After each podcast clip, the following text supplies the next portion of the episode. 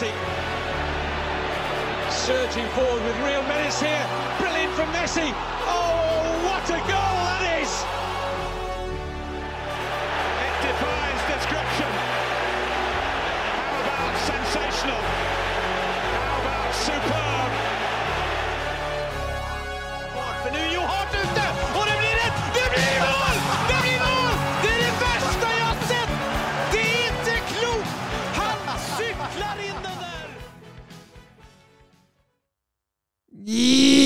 Ja da! Velkommen til episode 194 av den eh, helgrønne fotballpodkasten eh, 90 minutter. Eh, med meg i studio som vanlig Mats Granvold. God kveld. Og eh, Søren Dupker. Hallo, hallo. Hallo, hallo, folkens. Har vi det bra? Ja, nå er sommeren på vei, så nå, og fotballen er i gang. Altså. Det er eh, nydelig. Mhm, mm, Selv om vi blei frarøva, frarøva den mandagen, så Ja, ja kan, kan vi begynne med det? Det er Filip Ringstad på Twitter. Han spør han om hva vi tenker om serieåpninga til Gjelleråsen med tanke på, på motstanden. Det møter jo et godt Stabæk 2 med Det var ikke den jeg tenkte frarøva, da. Jeg tenkte mer Lillestrøm Godset. At det var bare frarøva Å, ja. den. Du tenkte den, ja. jeg tenkte mer dette, jeg. Ja, Der ble jo ikke frarøva noen ting, egentlig. Ja, to mål skulle de hatt, i hvert fall. Mm, og sånn sett, ja. Ja. Ehm, ja altså, vi møtte jo et veldig godt Stabæk-lag. Mm, Måtte spytte ut, måtte spytte ut litt snus der. det var dårlig timing.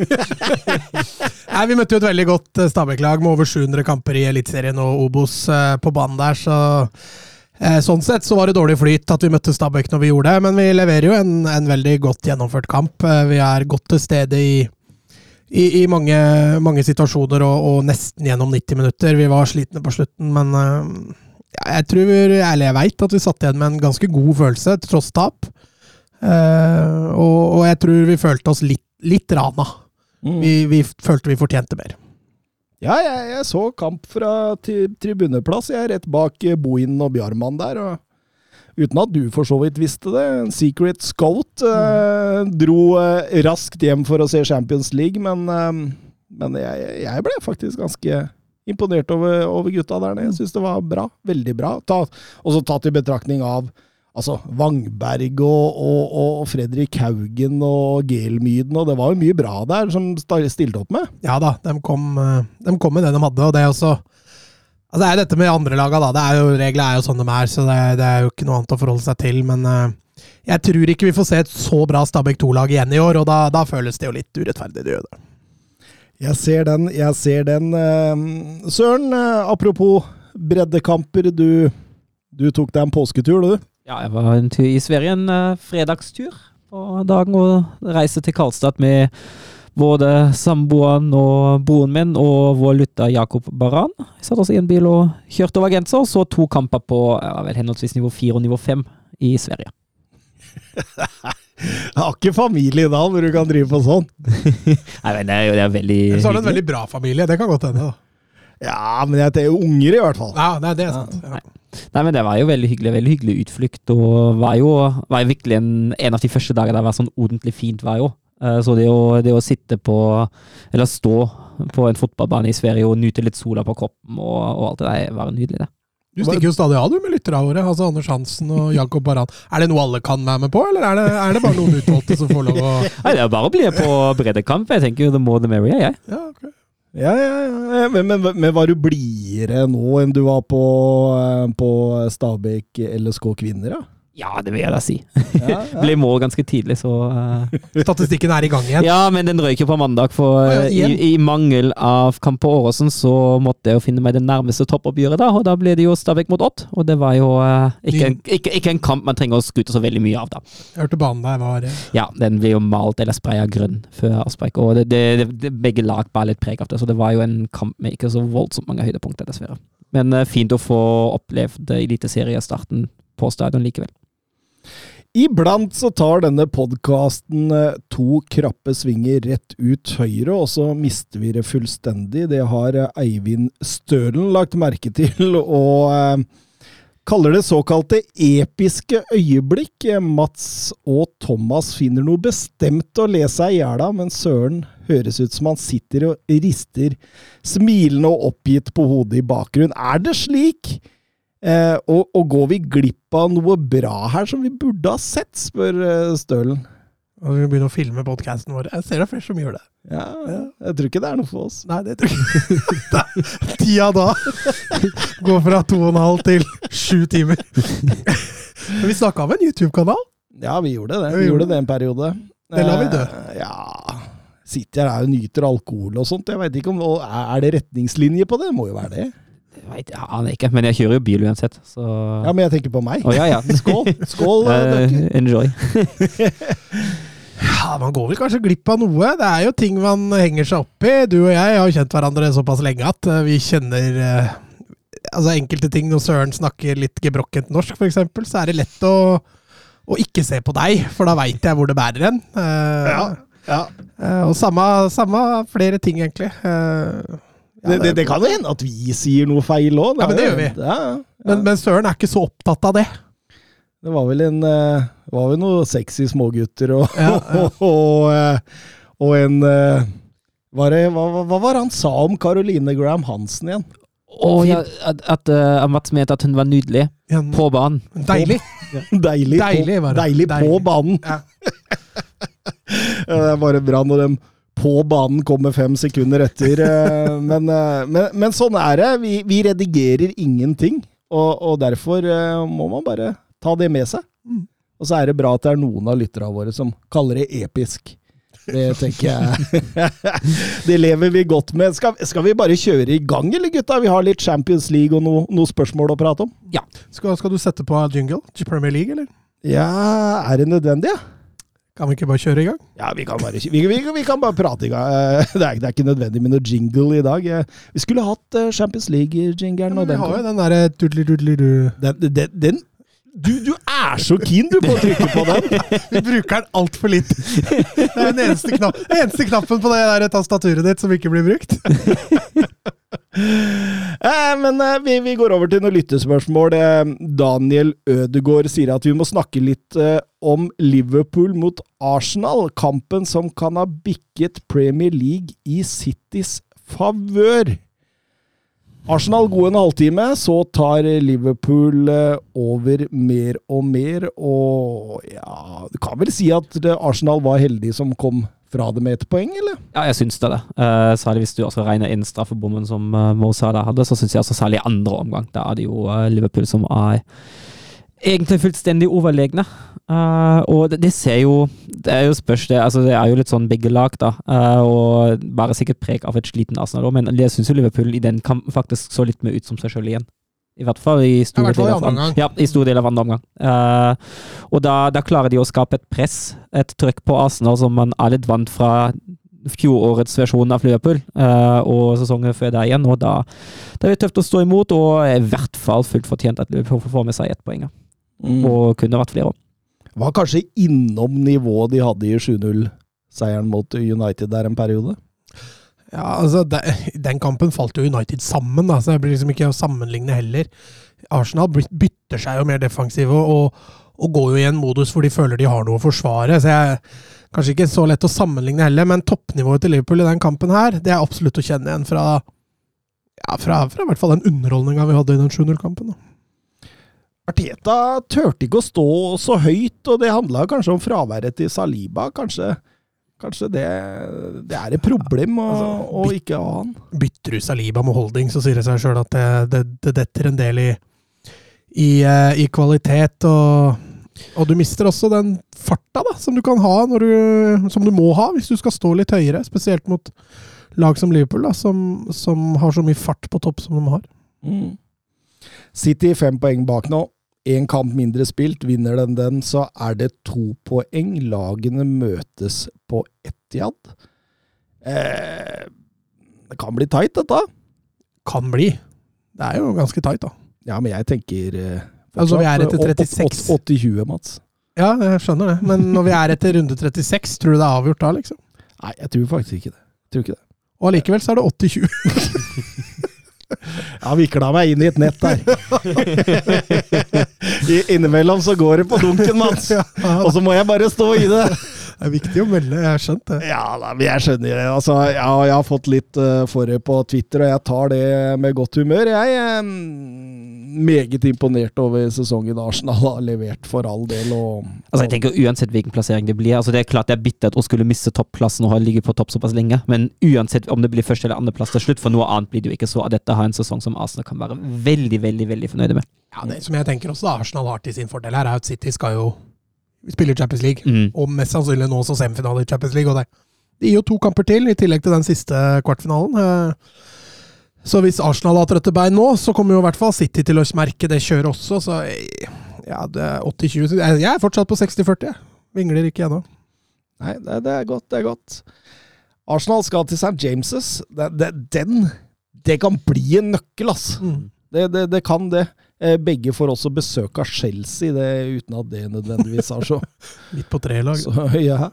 Eh, Steffen Hansen, eh, van Dijk ferdig, skriver han. Er ikke i nærheten lenger. Er han ferdig?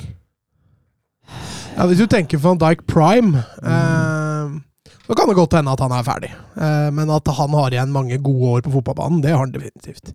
Han, han, men han virker litt mer likegyldig. Eh, det er litt sånn du føler når en spiller er litt ferdig i en klubb. Da. Eh, Men så så du også De Brønne. da. vi snakka om det for en måned siden, at han så litt ferdig ut. Nå er jo han tilbake igjen i prime, så det, det kan vingle. Eh, Men, men jeg syns van Dijk nå har hatt ganske mange kamper, med noen få unntak, hvor det har vært et stykke unna der vi husker han på sitt beste. Og det er ikke et godt tegn. Litt sånn nonsjalant nå, Søren. Ja, men jeg er helt enig. Han har mistet litt sånn den, den elegansen han egentlig kanskje var litt kjent for. Den, den roen og kontrollen. Men følte jo alltid at altså man følte jo alltid at uh, Virgil van Dijk bak der han hadde jo stålkontroll. altså. Men, men har han ikke alltid vært litt nonchalant?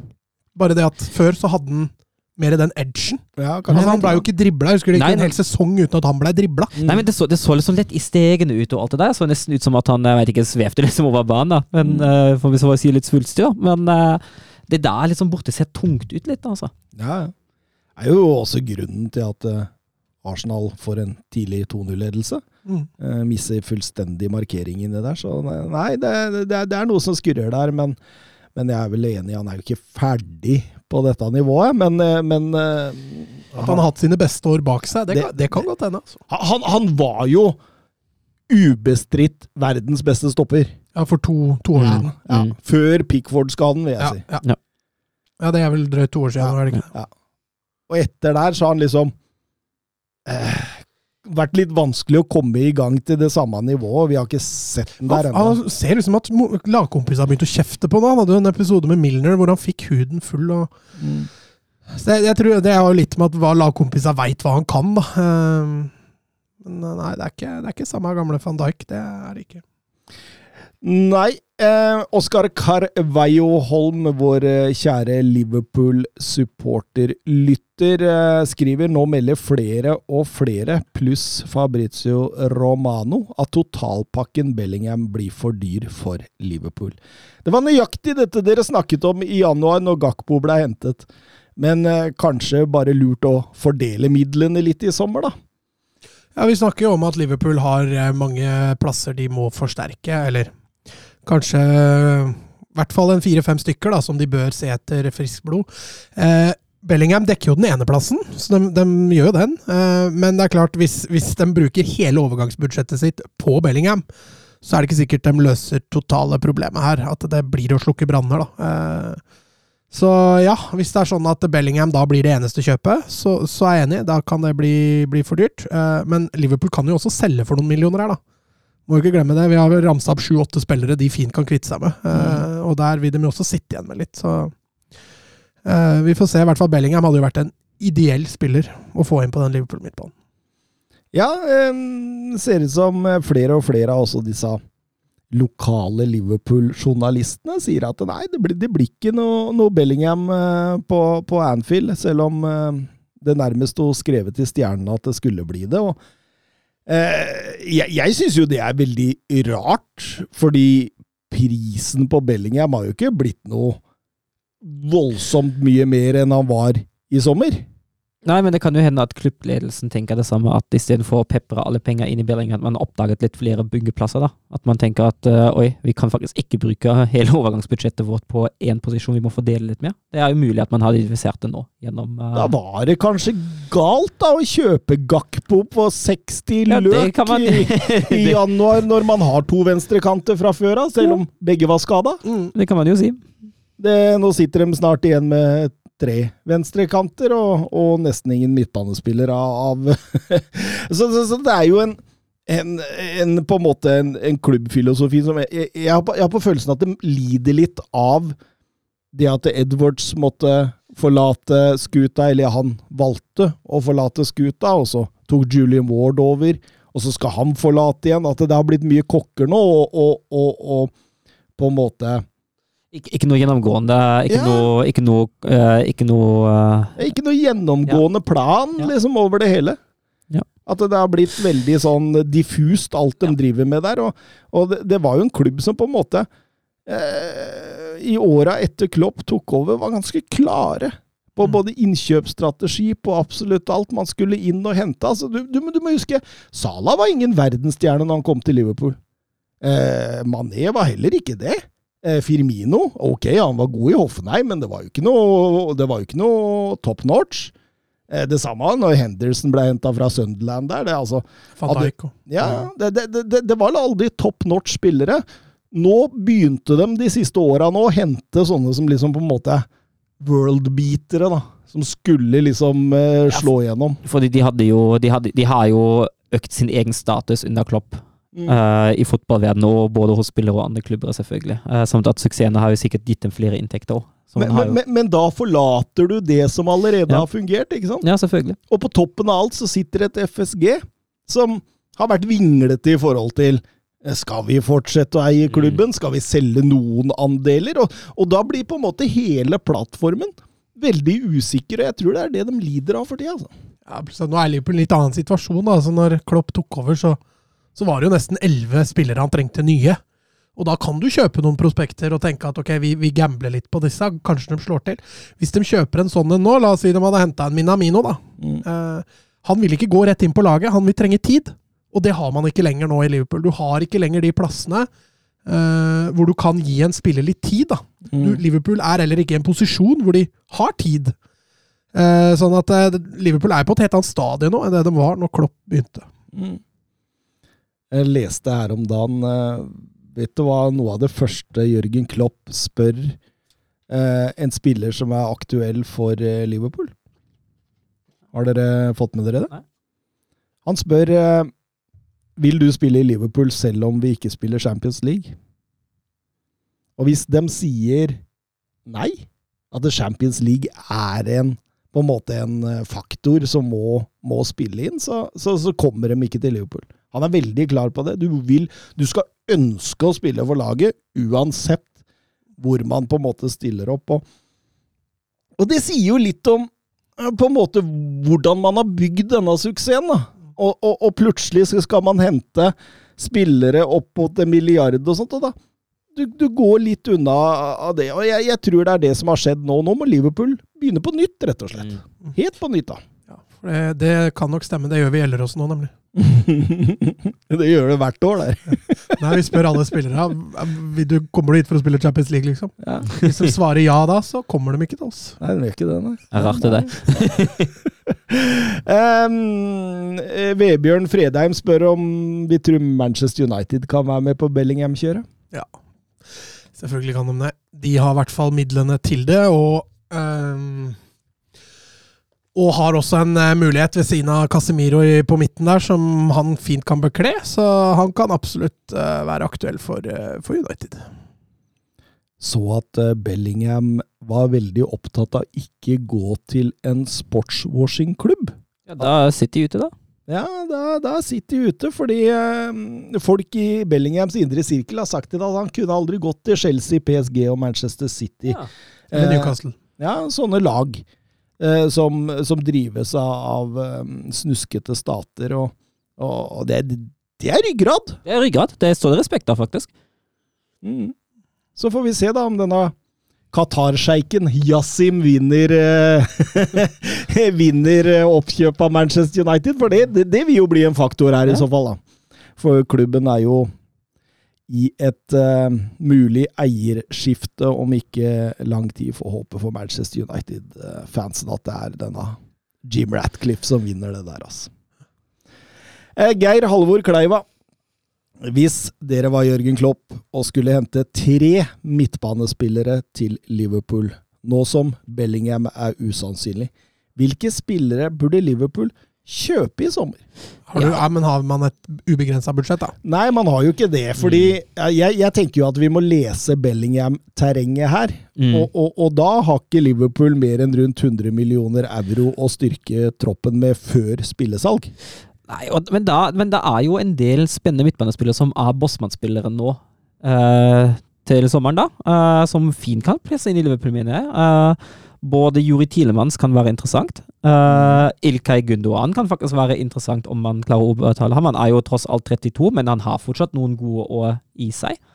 Ser veldig Barcelona ut, han. da. Ja, han gjør jo det. Men uh, han, han er jo fortsatt Jeg, jeg mener at han fortsatt kan, bør være interessant for et lag som løper som leter etter en uh, gunstig og god løsning. Og så er det jo klart man får ikke dekket alle de posisjonene der med, med det deg. Sege Milinkovic Savic eh, ligger jo på 60 millioner euro markedsverdi på transfermarkt, men kontrakten hans går ut neste år. Så det kan hende at man får ham billigere enn der. Eh, og jeg mener at han hadde vært et godt alternativ for Liverpool. Vi har jo nevnt ham før.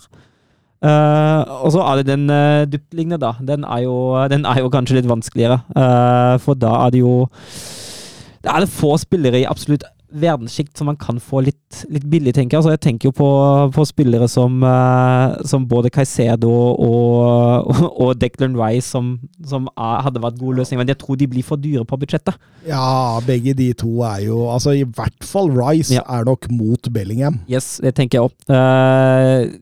et sånn Alvarez fra Ajax kunne vært et alternativ. Eh, men Ja, eller Manuel Ugarte Ja. i Sporting Lisboa er et godt alternativ. Ellers så ser jeg at den ble blitt linka til Gravenberg, til Gallagher og, og Mason Mount. altså, Jeg tenker også Barella hadde jo vært glimrende i kloppfotballen. Er tatt Mm. over for en Henderson, da. Eh, Men da bruker du nok et sted mellom i hvert fall 60-80 euro på, på han. Ja, for han har vel litt lengre kontrakt igjen, tror jeg. Så, ja, så men det er, det er et Inter som, som er ja, i selge, økonomiske problemer, da. kan hente den, så da må de jo hente en Jori Tilemans gratis, da, hvis de skal greie å fylle opp tre plasser her. Mm.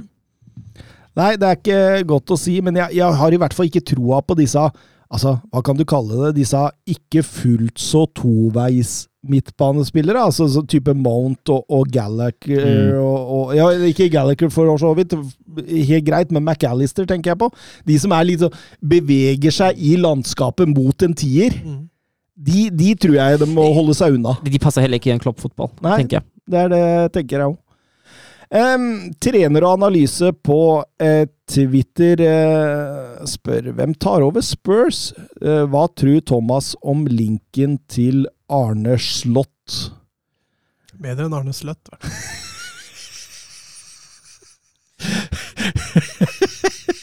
My name is Arne Slott! um, føler er ekstremt åpent. Eh, men, men, jeg, men jeg står for det at Tottenham behøver en manager som A. virkelig ønsker å være der. Eh, B. ser på det som et langtidsprosjekt. Eh, om det er Nagelsmann, Porcetino, Luis Henrique, om det om det er eh, Jeg så Vincent Company nå var, var Ja, det hadde vært interessant. Den hadde vært spennende. Mm. Eh, Guardiola har kalt Company Eller har sagt at Company kommer til å bli verdens beste i manageryrket også. Altså, jeg husker Anderlecht. Man følte at det var litt skuffende at han ikke fikk det til bedre der, men når du ser hva de etter har gjort, så tenker man jo ok, kanskje han gjorde en bra jobb i Anderlecht. ja. um, så nei, Og Company, det han har gjort i Burnley, nå rykka de vel opp i helga. Altså, dem, dem er jo veldig på. Mm. Ja, ja. Eh, Kommer med gode skussmål fra veldig mange der. Så, så, så, så, så gode alternativer eh, finnes det. Eh, tror Nagelsmann blir litt for stor for dem, altså. Jeg tror det er Real Madrid og Chelsea og, og i, i, i sikte der. Eh, de Serbis kandidatur ble svekket voldsomt etter kampen i helga. Han var jo i klammeri med halve stadion eh, der, men Men eh, ja, som han, analysesjefen på Twitter her eh, snakker om, da, så er det denne Arne Slott som blir oftere og oftere eh, dratt opp i diskusjonene. og eh, Hva tenker du om han, Søren, du som følger IRS-divisjonen litt? Nei, altså det er jo, det er jo spennende, eh, som det er med, med mange trenere fra de lavere ligaene, føler jeg. Eh, det er jo klart, altså det er jo litt sånn med den, eh, med den tilvenningen til en større liga. Men det han har gjort med Feyenoord nå, det har jo vært, har vært meget, meget bra. Uh, vinner vel seriegull, vil jeg å påstå. Uh, leder nå også, som vi sitter og snakker her, 1-0 over Roma etter en time spilt i kvartfinalen i Europa League. Uh, er jo litt sånn Han er jo litt sånn nederlandsk i stilen sin, da. Og da snakker vi jo altså, Nå følger jeg jo Ajax tettere enn Feyenoord, så 100 ja, det, det, det, er jo mange, Jeg har lest mange steder at han har latt seg inspirere av Marcelo Bielsa, mm. og at han er en sånn energisk, høytpressende yep. Altså en gjenvinningstype ja. Men han, han liker 4-3-3. Han er veldig glad i 4-3-3. Ja. Og, og, og, ekstremt direkte i spillestilen. Mm. Eh, Hvorfor Kjetil Knutsen nå? Ja, ja, men det er liksom ja, Nederlands uh, Kjetil Knutsen. Mm. Det, det, det, er litt der uh, var uh, veldig god også i Aset før, uh, før Feinor der, så, så, så, det er åpenbart uh, en kar som på en måte kan passe inn i profilen Tottenham òg, ja, ja, det kan han. I, i, I, forhold til dette med underholdning, i forhold til det å, å um, To dare is to do. Ja, ja, ja absolutt. Og så ser det ut til å være en god lagbygger. Mm. Ja, ja, absolutt et spennende kandidatur, selv om han han, han, ser ut som han Minimy, litt. Austin Powers? Ja. Det er, det, er, det er, noen likheter der. Det er sikkert pga. at han mangler hår. vet du. Men det blir, blir, spennende å se. Bare du mangler hår, så ligner du på Minimi? Nei, det kan ikke stemme. Ja, Man har litt rundt ansikt. Okay, han ser ut som et egg. Mm, ja. Okay. Fredrik Konradsen. Tiki Takan er historie, og Savi har drept den, sa SSM i TV 2 etter 0-0 mot Girona. Er Barcelona inne i en liten identitetskrise? Hvor lenge klarer Barcelona-supporterne å se på dette, tross for at det kommer jevnt og trutt med sølvtøy? Hvem er SSM? Simen Stamsø Møller. Ja, ok. Ok. Han har et poeng, da! Han har det. Eh, om han har drept Tiki-Takan ennå, det er kanskje litt Men at han har bedøva han foreløpig, det, det, det, har vi nevnt flere ganger her. Det, det, er kunstig koma, det da, altså. Ja, det ja, det kan godt si. Altså, Girona-kampen, det var et gjesp. Det var en fryktelig kjedelig fotballkamp. Eh, Girona gjorde jo riktignok sitt for å gjøre det minst mulig spennende. Eh, men eh, Barca makta ikke, evna ikke, eh, og spiller, spiller dem igjennom. Spiller dem ut. Eh, og det var en spillerstil som det er kjedelig å se på. Det er ikke noe jeg tror det er litt prega av at eh, Real Madrid tapte dagen før. At man tenker at ja, ett poeng det er jo greit, det gir større lykke. Jo, jo, selvfølgelig tenker man jo det, at forspranget økte allikevel. Eh, men eh, for mange Barcelona-supportere hadde dette vært en, en engelskmann, da, eller en mm. italiener, eller en tysker, eller whatever, som spilte denne fotballen, så hadde ikke disse vært så tålmodige.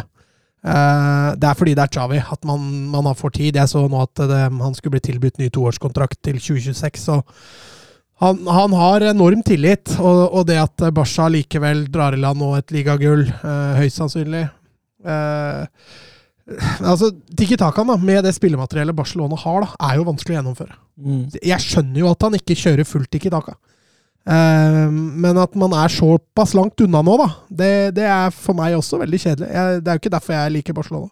Nærmere José Mourinho enn uh, Tiki Taga? Ja, altså vi ligger jo nå mellom Mourinho og Simione et sted. Det er jo men, men, men, om det er en identitetskrise, det er jeg mer usikker på. For Tiki Takan var jo en fase Altså, identiteten er jo mer hollandsk 4-3-3, Johan mm. Cruyff, den type. Men, men, men Samtidig, jeg føler at den identiteten er jo offensiv fotball. Offensiv og underholdende. Sånn når du, når du Spillestilskrise. Ja, ja, ja det vil jeg kanskje mer si. Det, da. Ja, ja. Fordi, altså, og det er liksom det som Barcelona alltid, så lenge jeg kan huske uh, og har fulgt fotballen internasjonalt, har Barcelona stått for underholdning. Uh, mål, spilling. Cruyff, Ronaldinho, Messi, eh, fantastiske skåringer, lekenhet. Det er jo det, er jo det som er Barcelona. Ja, og, men altså, man har jo blitt veldig bortskjemt da, som Barcelona-supporter under Guardiola. Og pila har jo bare pekt nedover etter at han ga seg. Eh, nå den siste tida veldig brått. Eh, kanskje ikke akkurat det siste året, men eh, i hvert fall åra før Chavi tok over. Og man er på vei mot en litt ny spillestil. Eh, om det er bevisst at man er blitt så gjerrige, det, det er et godt spørsmål. Eh, jeg tror ikke det er sånn veldig bevisst, men det at man nå ser bedre ut bakover enn framover ja, Det er nok ikke alle supportere som setter pris på det. Eh, Fredrik Stjerna, Valverdegate, skriver han, eh, skal ha seg sånn at eh, at Fede Valverde etter eh, 3-2-tapet mot Villarreal i påskehelgen vel sto på parkeringsplassen utenfor Santiago Bernabeu og venta på Alex Baena, og, og han hadde et mission, Mats. Ja, altså han Det begynte jo kampen før, hvor Baena sa et eller annet med at eh, ungen din Eller at eh, spontanabort, eller at han begynte å meldes på det på, på det ufødte barnet da, til Valverde. Eh, falt jo selvfølgelig ikke i god jord da heller, men så skal nok visstnok den ha eskalert i denne kampen, og han fortsatte å melde om akkurat det samme. Og da så Valverde seg nødt til å sette skapet på plass. Altså, ja, altså, jeg tenker jo det er fryktelig ufint det Bayern driver med der. Det er langt, langt under beltestedet, og det hører ikke hjemme noen sted i det hele tatt. Uh, og uh, jeg hadde hatt forståelse for om Valverde hadde mistet det på banen og dratt til ham der. Det hadde Det ser nesten ut på det ene klippet som han er i ferd med å gjøre, og så tar han Mm. det For det, det, det, det hadde jeg forstått, men også har han jo altså, Jeg skjønner jo at det er altså, Som sagt, jeg mener at det er fryktelig ufint det Bayena driver med og alt det der. uh, men samtidig, altså, det er jo etter kampen. Han har hatt tid til å roe seg ned. Godeste Valverde. Han har hatt tid til å dusje og tenke over det hele. Og så altså, er det jo litt mer uh, Altså, det, det er litt mindre i effekt, da. Og det, det syns jeg, jeg gjør det litt verre fra hver side. Altså, selv på det nivået hvor, hvor jeg holder på nå, da, eh, det meldes ekstremt mye. Eh, Folk melder i øst og vest. Det er om å gjøre å komme under huden.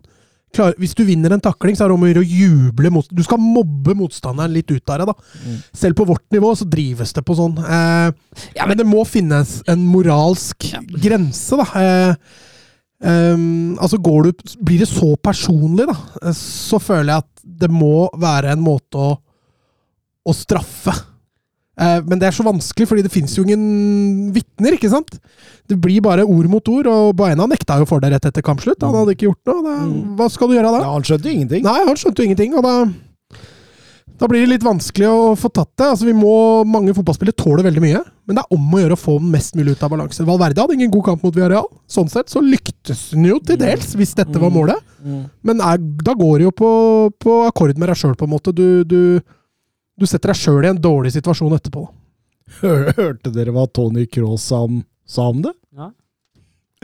Han, eh, i, i, I korte drag da, så sier han eh, du kødder ikke med familie, da må du tåle konsekvensene. Baenas kommentar er langt over grensa, og jeg er egentlig overraska over at han bare slo den én gang. Ja, men du så jo Matarazzi, da, som gikk på søstera til Zidane. Ja. Han Ja. mista det jo fullstendig. Ja, på det- banen. På banen, ja. Eh, sånn at det, det er jo noen som ikke tåler det i det hele tatt. Altså, Går du på familie, så, så er du allerede over grensa. Eh, det- så ja. Det er jo et fryktelig ufyselig ting å gjøre. Mm. Og særlig når det er så nært. Det var vel, det var vel litt komplikasjoner i graviditeten til Ja, kjæresten til Valverde. Og det, det, altså, altså, det er så usmakelig Mm. å, å gå på sånne ting, da. Herregud. Det er, å, det, er- det, er, det er motbydelig. Forkastelig, rett og slett. Få det bort. Ja. Det er ikke Valverde-gate, egentlig. Det er Baena-gate. Ja. Ja, men altså, Valverde kunne håndtert det litt bedre, han òg, altså. Han kunne det. Altså, vold, vold er ikke bra Nei, uansett. det er akkurat det. det, er akkurat det. Altså, det tenker jeg, som sagt, jeg hadde hatt større forståelse for hvis han ut i, ut i affekt hadde Jo, men, men jeg tenker jo at ok men, tror du, Nå har ikke jeg lest noe mer enn om det enn dere har gjort, sikkert, men gikk du ut på parkeringsplassen der for å ta han? Mm. Eller gikk Han ut der for, å- på for å, ja, men for å konfrontere han? Eller for å slå han? Nei, det, det veit jo bare For det kan jo da det hadde eskalert der også, hvis du skjønner hva jeg mener. Ja, ja, At han sto der for å si at det der er ikke greit, ikke gjør det igjen. Og så fortsetter han. Og så blir det bare mer og mer gnål, og da kan det hende at det glei ut. vet du. Han er jo litt stygg i trynet, han uh, Baena. Han, han er jo en asshole, du Ja, ser ja, jo det på ja, ja, ja. Sånn sett, ja. Stygg i trynet, tenkte jeg. Hva mener du? Det var ikke ut, utseendeberegna her. Det, det var mer en måte å Ja, nei, det er helt klart at han er en asshole. Det, det er jeg enig i. Eh, Men, men jeg syns det er voksent Eller jeg synes det er bra av Valverde da at han faktisk tar den fighten med den, istedenfor å bare la det gli over i stillhet, og heller lage en sak ut av det. Men jeg er helt enig. Vold, det løser eh, svært lite. Det blir eh, ikke noe sportslig etterspill, men heller et sivilt etterspill. Eh, Saken er meldt til politiet, så får vi se hva som skjer der. I Norge hadde det endt med henle- henleggelse så det synger etter. Eh, selv om det hadde vært både videobevis og, bildebevis. Hvis ikke det er legen til Strømsgodset, da. Ja, Da hadde kampen blitt spilt på nytt på en onsdag. eh, sannsynligvis, sannsynligvis. Blir spennende å se via Real mot eh, Real Madrid neste kamp, da. Det kan bli en sånn Keen Haaland-takling, et eller annet. eh, Ja. Eh, Eivind Stølen, eh, kan Sergio Canales utvisninger, suspensjoner og Betis sine øvrig mange røde kort koste dem Champions League-plassen? Dette resulterte jo blant annet med tap mot Cádiz, en kamp de burde vært eh, vunnet ganske safe. Til, til og med Pellegrini må heve stemmen. Eh, da har vel dette blitt et problem. Eh, ja. Eh, de har jo ikke Det er ikke helt Sevilla, dette her, da. Eh, det må nevnes. Betis har ikke vært så ille. Men, Ja, Men de har ett rødt kort mer enn Sevilla denne sesongen. Ja, men det er fordi de får ofte flere i samme kamp. Mm. Hvis du skjønner hva jeg mener. Ja, ja. Sevilla får som regel bare én. Og stort sett så har de vært papagei det siste. ja, Mens Betis drar gjerne på seg to eller tre da når de spiller, så de eh, drøgger seg ned sånn sett.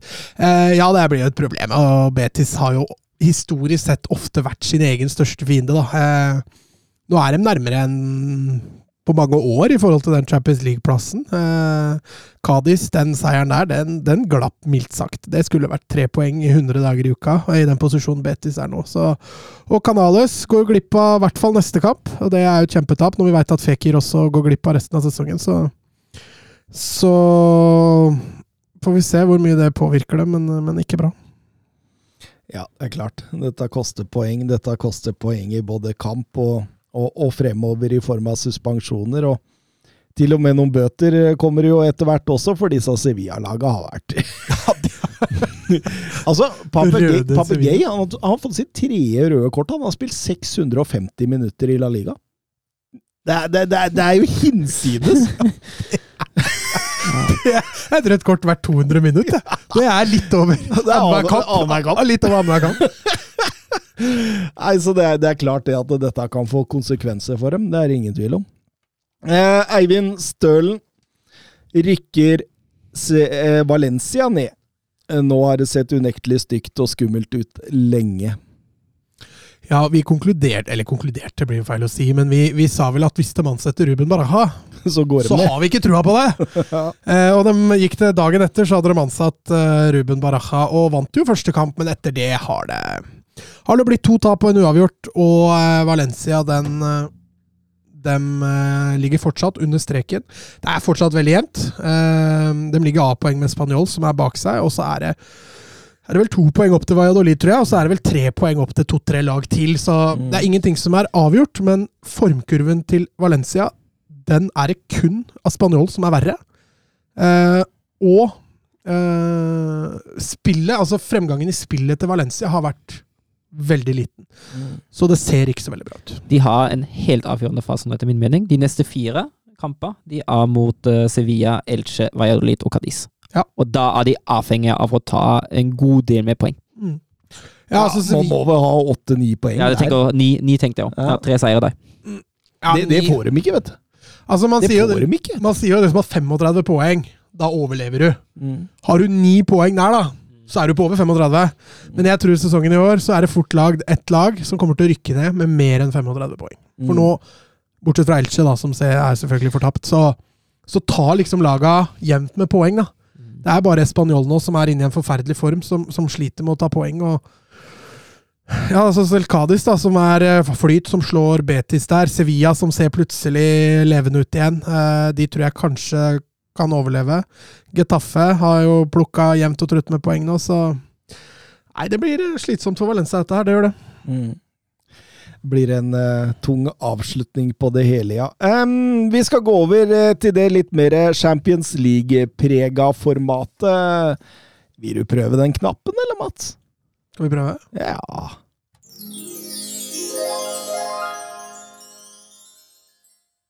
Hvordan føltes det, Mats? Ja, det var, det var orgasmisk, faktisk. Jeg, tror, jeg, kan gå, jeg kan gå hjem, jeg, nå. Du, du, du satt egentlig og bare kosa deg og kikka på knappen og Men det gikk veldig fort, da. Det- husker ikke lyden engang. Jeg var i noe sånn tingelings uh, tingeling engle- stjernestøv. engle- Englestøv, var det ikke det? Ja, Noe sånt. um, og ingenting er bedre å begynne Champions League-bolken med spørsmål fra fotballmann Nikolai på Twitter. Eh, hva synes dere om det nye Champions League-formatet som etter hvert kommer? Kan du gå igjen? Har du det foran deg? Ja, ja, ja. ja, ja. Det, det, det er jo den såkalte sveitsiske modellen, der man går opp fra 32 til 36 lag. Eh, to av de ekstra plassene går bl.a. blant annet til lag som har vært høyest ranka de fem siste åra. Akkurat for å, for å få med seg de som kanskje misser ut. For eksempel hadde det vært Liverpool, da. Kanskje Chelsea. denne sesongen, kanskje Chelsea. Ja. Eh, gruppespillet slik vi kjenner det nå, er skrota fullstendig. Her er alle 36 lagene lagt inn i en stor, stor gruppe. Og så trekkes det hvem som skal møte hvem. Alle spiller ti kamper mot ti forskjellige motstandere. Fem hjemme, fem borte. Og det trekkes hvem som møter hvem. Eh, etter at alle kampene har blitt spilt, skal plass 1 til 8 gå direkte til knockout-stadiet. Plass 9 til 24 skal spille et playoff-system og må ta de siste åtte plassene, mens plass 25 til 36 er ute av Champions League, og så går man inn i knockout-stagen på den måten vi kjenner det i dag. Det er flere ting jeg er veldig kritisk til deg. Um, det ene, og egentlig mest avgjørende for meg, er at det at lag eller klubber som ikke sportslig kvalifiserer seg til Champions League, får en livslinje inn i Champions League pga. historie, det syns jeg er helt katastrofe. Uh, det øker uh, avstandene mellom klubber som gjør det dårlig en sesong, men har en god historie, og lag som kanskje er litt up and coming. Men, men tror du ikke dette er Uefas lille eh, gulrot eh, til de laga som har vært litt på dette med Superleague? Jo, det er det jo, for det var jo det de argumenterte med Mm. når de skulle danne denne Superliga. Så det kan godt hende at det har vært en baktanke. Det, det jeg stussa på når du sa det, det skal trekkes i gruppespillet. Hvem som møter hvem. Mm, det, er, det, Er det sida? er sikkert. Ja, det er Sida. Det er Sida. Ja, altså City, altså City kan ikke risikere å få ti kamper mot Bayern, Real Madrid, Chelsea, Barcelona. Nei, det kan de ikke. Det, er, det, det, sides alle disse Men 36 mø, laga. blir det da noe storoppgjør, eller blir det ikke noe storoppgjør? Det, det vil jo komme til å bli noe storoppgjør. Selvfølgelig gjør det det, på grunn av at uh, alle f.eks. engelske Premier League-laga er jo ikke sida som nummer én, så det vil jo bli storoppgjør eh, hele veien der i gruppespillet også, men det, det vil jo bli en stor, stor bolk, da, og så, og så kan du risikere å havne under et lag du aldri har møtt. Ja, det, det er det neste jeg er kritisk til. For jeg føler at altså, Det er greit nok betrekning av gruppespill og alt det, og på en eller annen måte må du jo gjøre det. Eh, Men jeg føler at gruppespill det er litt mer forutsigbart. Du møter de samme lag to ganger. Eh, Det er litt sånn mer like sjanser for alle. Jeg føler dette her blir litt sånn mye mer avhengig av trekningsflaks. Særlig fordi du har, du har fem hjemme og fem borte, du får på en måte ikke muligheten til å ta en revansj. da. Nei, nei, nei det er, samtidig så gir det jo en litt mer fleksibilitet, da. Eh, altså Vi var imot røykeloven da han kom i sin tid, men alle er for guderen nå. Altså, man man, man veit jo ikke! Nei, det kan, det kan hende det blir dødsbra, uh, men det er liksom de to ankerpunktene som jeg ser med en gang. Uh. Hva er det du ler av?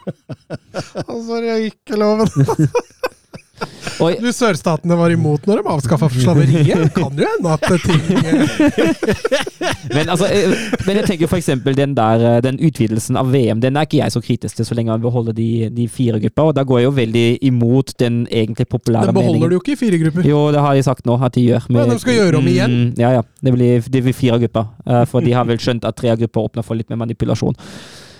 Uh, så Da blir det Men det, det går jo veldig imot den egentlig populære meningen som vil beholde VM som 30, med 32. Eh, jeg syns det er fint å prøve det med 48, eh, men der beholder man jo systemet i større grad. Eh, og jeg syns i utgangspunktet at det er kulere å se flere lag jeg ikke ser så ofte, flere outsidere. Jeg er veldig glad i outsidere, og gi dem mer mulighet til å til å komme opp på det nivået. da. Det syns jeg var kult med tanke på VM. Men uh, det der Champions League-formatet åh, det er jeg veldig skeptisk til. Men er det Europaliga og Conference Blir det samme, eller? Skal det beholdes? Nei, jeg tror ikke det. Jeg har ikke lest noe om det, i hvert fall. Jeg tror dette gjelder Champions League. altså. Altså, er det vel fortsatt... er det bare å håpe at uh, det blir noe Europaliga framover, da. ja, det blir, altså blir det jo fortsatt åtte lag som rykker ned fra Champions League til Europaliga, akkurat som de gjør nå. Mm. Mm. Eh, dette skjer ikke neste sesong, men eh, først eh, til 24-25-sesongen, sist jeg har fått med meg. Så det, neste år går man kanskje inn i Eller går man inn i det siste Champions League-formatet, slik vi kjenner det i dag.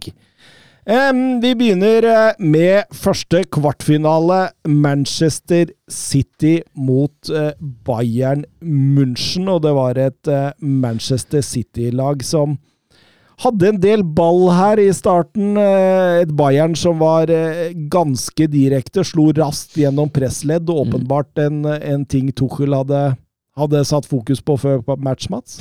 Ja da. eh, jeg tror nok kampplanen der var å gå litt defensivt til verks. Eh, vi skal la City ha ball, og så skal vi kontre. Eh, det var i hvert fall sånn det så ut. Sané, Gnabry som Kall det en midtspiss. Eh, og åh, Kom. Eh, òg, ja. Eh, mye fart, mye, mye nesa mot mål. Gode rettvendt. Eh, Dårlig feilvendt. dårlig feilvendt. Eh, og, og det blei jo litt bann deres etter hvert, akkurat det du sa der, men altså, de, de, de fungerer jo greit. Sitter skaper jo ikke all verden. Jeg syns det Bayern lykkes veldig godt med, av å stenge av sentrum til City i frispillingsfasen. At de, de står jo både, både Coman og Sané kommer jo veldig smalt når City frispiller seg og virkelig stenger av uh, Rodri. Rodri. Uh, og det syns jeg City, uh, Bayern lykkes godt med. Uh, tvinger City litt ut i bredden. Eh, men ja, etter hvert blir det litt Ja, ja, ja, fordi du Altså Opamecano. Ja. Det er jo han som på en måte setter i gang eh, stort sett alt som City har av eh, muligheter. Mhm. på, på, på, på rett og slett i frispillingsfasen. Eh, Ole Haaland spør hvorfor tar ikke Tuchel av Opamecano? Det er jo tjenesteforsømmelse. Jeg er helt enig. Han bør jo være ut eh, Altså, kunne tatt den av til pausen. Ja, Eh, det, det, det, er, det er minimum, altså. Burde, burde Ja, det aller seneste er han begynner å rote voldsomt rundt, rundt 50. Da har han et par ganske grove, der man ser det komme enda mer. Og senest da burde det vært slutt, altså. Men jeg tenker jo at pause er et fint tidspunkt å ta han ut av på, altså. Ja, ja, ja. Skulle du kjørt Pavar inn, da, eller? Ja, Det hadde jo gått an, det. For de hadde jo ikke noe da. Altså, noe, Nei, men Daily Blint eller noe sånt var vel det eneste. Men når du har en kar som spiller bort ballen hver eneste gang han får den Altså det Ja, og, og, og, og, altså, du er jo- ser jo utover i annenomgangen der, så ser du jo at det er en del av planen til Tuchel at uh, Opamecano og De skal lure City høyere i banen, så du ser at de spri, frispiller seg bakover. Du ser at de tar løp bakover for å lure City fram, for å så skulle slå igjennom. Men det er jo klart det at en Opamecano treffer en City-spiller hver er eneste ja, gang han gjør det, så er det De Ligt har noen fine. Ja, de ja, Ligt, likt har noen de, de, de er jo en teknisk fantastisk Men stopper han med kan han kan spille en sånn type fotball. Ja, ja. og med Upamecano går han ikke. Men altså, Pavard inn hadde sikkert lyst mye å stand... Du kan faktisk sette Stanisic på høyrebekk. Han har jo defensivt på ingen måte gjort seg bort. Uh, Ja, Cancelo, møter- kommer inn, da. Så han Ja. kunne du også satt det, det, de hadde også gått an, ja. Selvfølgelig. Så ja, nei, men jeg er helt enig. så Opamecano måtte, måtte ut, og nå 2-0 kommer, bør jo ikke han ha vært på banen i evigheter lenge. Men nisselue på, han skriver her eh, Snakk om Opamecano. Noen anser han som en av verdens beste stoppere. Det er for meg en gåte. Det toppa seg mot City, eh, men han har slike hjerneblødninger ofte, og i Champions League blir man straffa på det. Rå fysikk, høyt toppnivå, men svak i ball og posisjonering. Virker rett og slett litt fotballdum. Ja, jeg er helt enig. Uh, og så er jo det neste det, det Nisselø er inne på. Ja, høyt toppnivå, det er helt riktig, men det er noe med den ustabiliteten. Uh, og da han var i Leipzig og fortsatt hadde den talentstatusen, så var det på en måte greit. Talenter, unge spillere, har lov til å gjøre sånt. Det, det er liksom kjennemerket til talentet at da er man litt ustabilt og tar kanskje noen feil valg, men Jeg er helt enig i det Nisse Louis sier. Han har ikke utvikla seg på den fronten i det hele tatt. Jeg mener at han er Hvis man ser én sesong under det hele, han langt unna uh, å være en av verdens beste stoppere for det å kunne prestere konstant på toppnivå. Det å kunne treffe riktige avgjørelser, det å kunne posisjonere seg riktig, til å være bedre med ballen, det, det er på en måte et minstekrav. da. Minna litt om den der kampen Varan hadde for to eller tre år sia. Var det mot City òg? Det var mot City, ja. Hvor han nærmest gir City to skåringer der. Mm. Men Opamecano har sånne, har sånne med altså, Jevne sånne, sånne, sånne, sånne feil. da. Han har, han har sånne Og i Bundesliga blir man ikke så mye straffa for det, så der, der, der går det jevnt og trutt pga. han har andre kvaliteter. Men, eh, men, men det, er, det er klart, det han gjør med ball i bein, altså det, det er virkelig ikke bra i det hele tatt. Og du ser det nå. Altså, den blir jo ikke pressa så tøft, stoppera, i Bundesliga normalt, som det de gjør her. Så, så du får på en måte den Altså, du, du, du får gjort Opamecano på en måte Du får satt lys på hans store draw. Ja, fordi I Bundesliga den da mista ballen til Grealish før 2-0. I Bundesliga hadde han fått lov til å ta den touchen. Mm. Det er akkurat det. Den Ja. touchen får han ikke lov til å ta i Champions League, men i Bundesliga mot, eh, mot lag som eh, gudene vet da, Stuttgart og Hoffenheim får han jo fint lov til å ta den touchen der. Mm. Og særlig når de spiller i Bayern og alle egentlig har en litt mer defensiv inngang til det. Men eh, Rodri setter 1-0 svært fortjent etter hvert. Et nydelig skudd, da. Hadde Eh, tatt den? Ja. Jeg, jeg tror Neuer Når hadde tatt den, fordi Nøya er noen centimeter lengre enn Sommer. Du merker at altså, Sommer er, Han er jo nesten bortpå! Du Ja, ser det her på han er, han er 1,83, og jeg har egentlig ikke noe altså, Jeg liker egentlig ikke å dømme keeper etter, etter størrelse, men akkurat den hadde han tatt om var 5 centimeter lenger. det skjønner jeg, Søren. Siden du er keeper og Jeg er 1,80 sjøl, altså.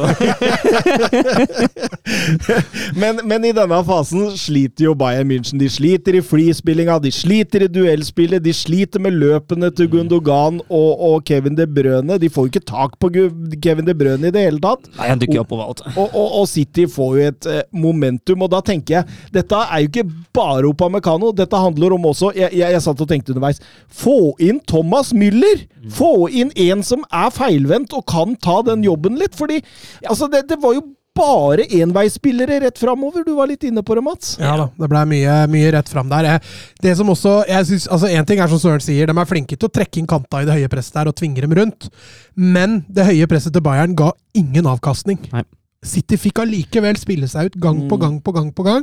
Selv om de brukte litt lengre tid og de måtte gå en omvei, så kom de seg alltid ut. Så Bayern sitt høye press, eller kall det halvhøye press, da, eh, ga ikke noe utnyttelse.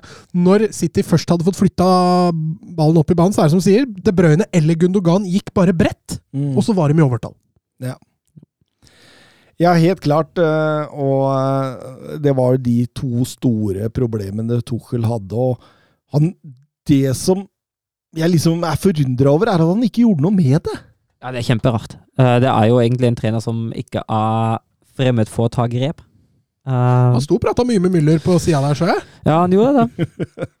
Müller burde bare sagt 'få inn meg'. Ja, Ja.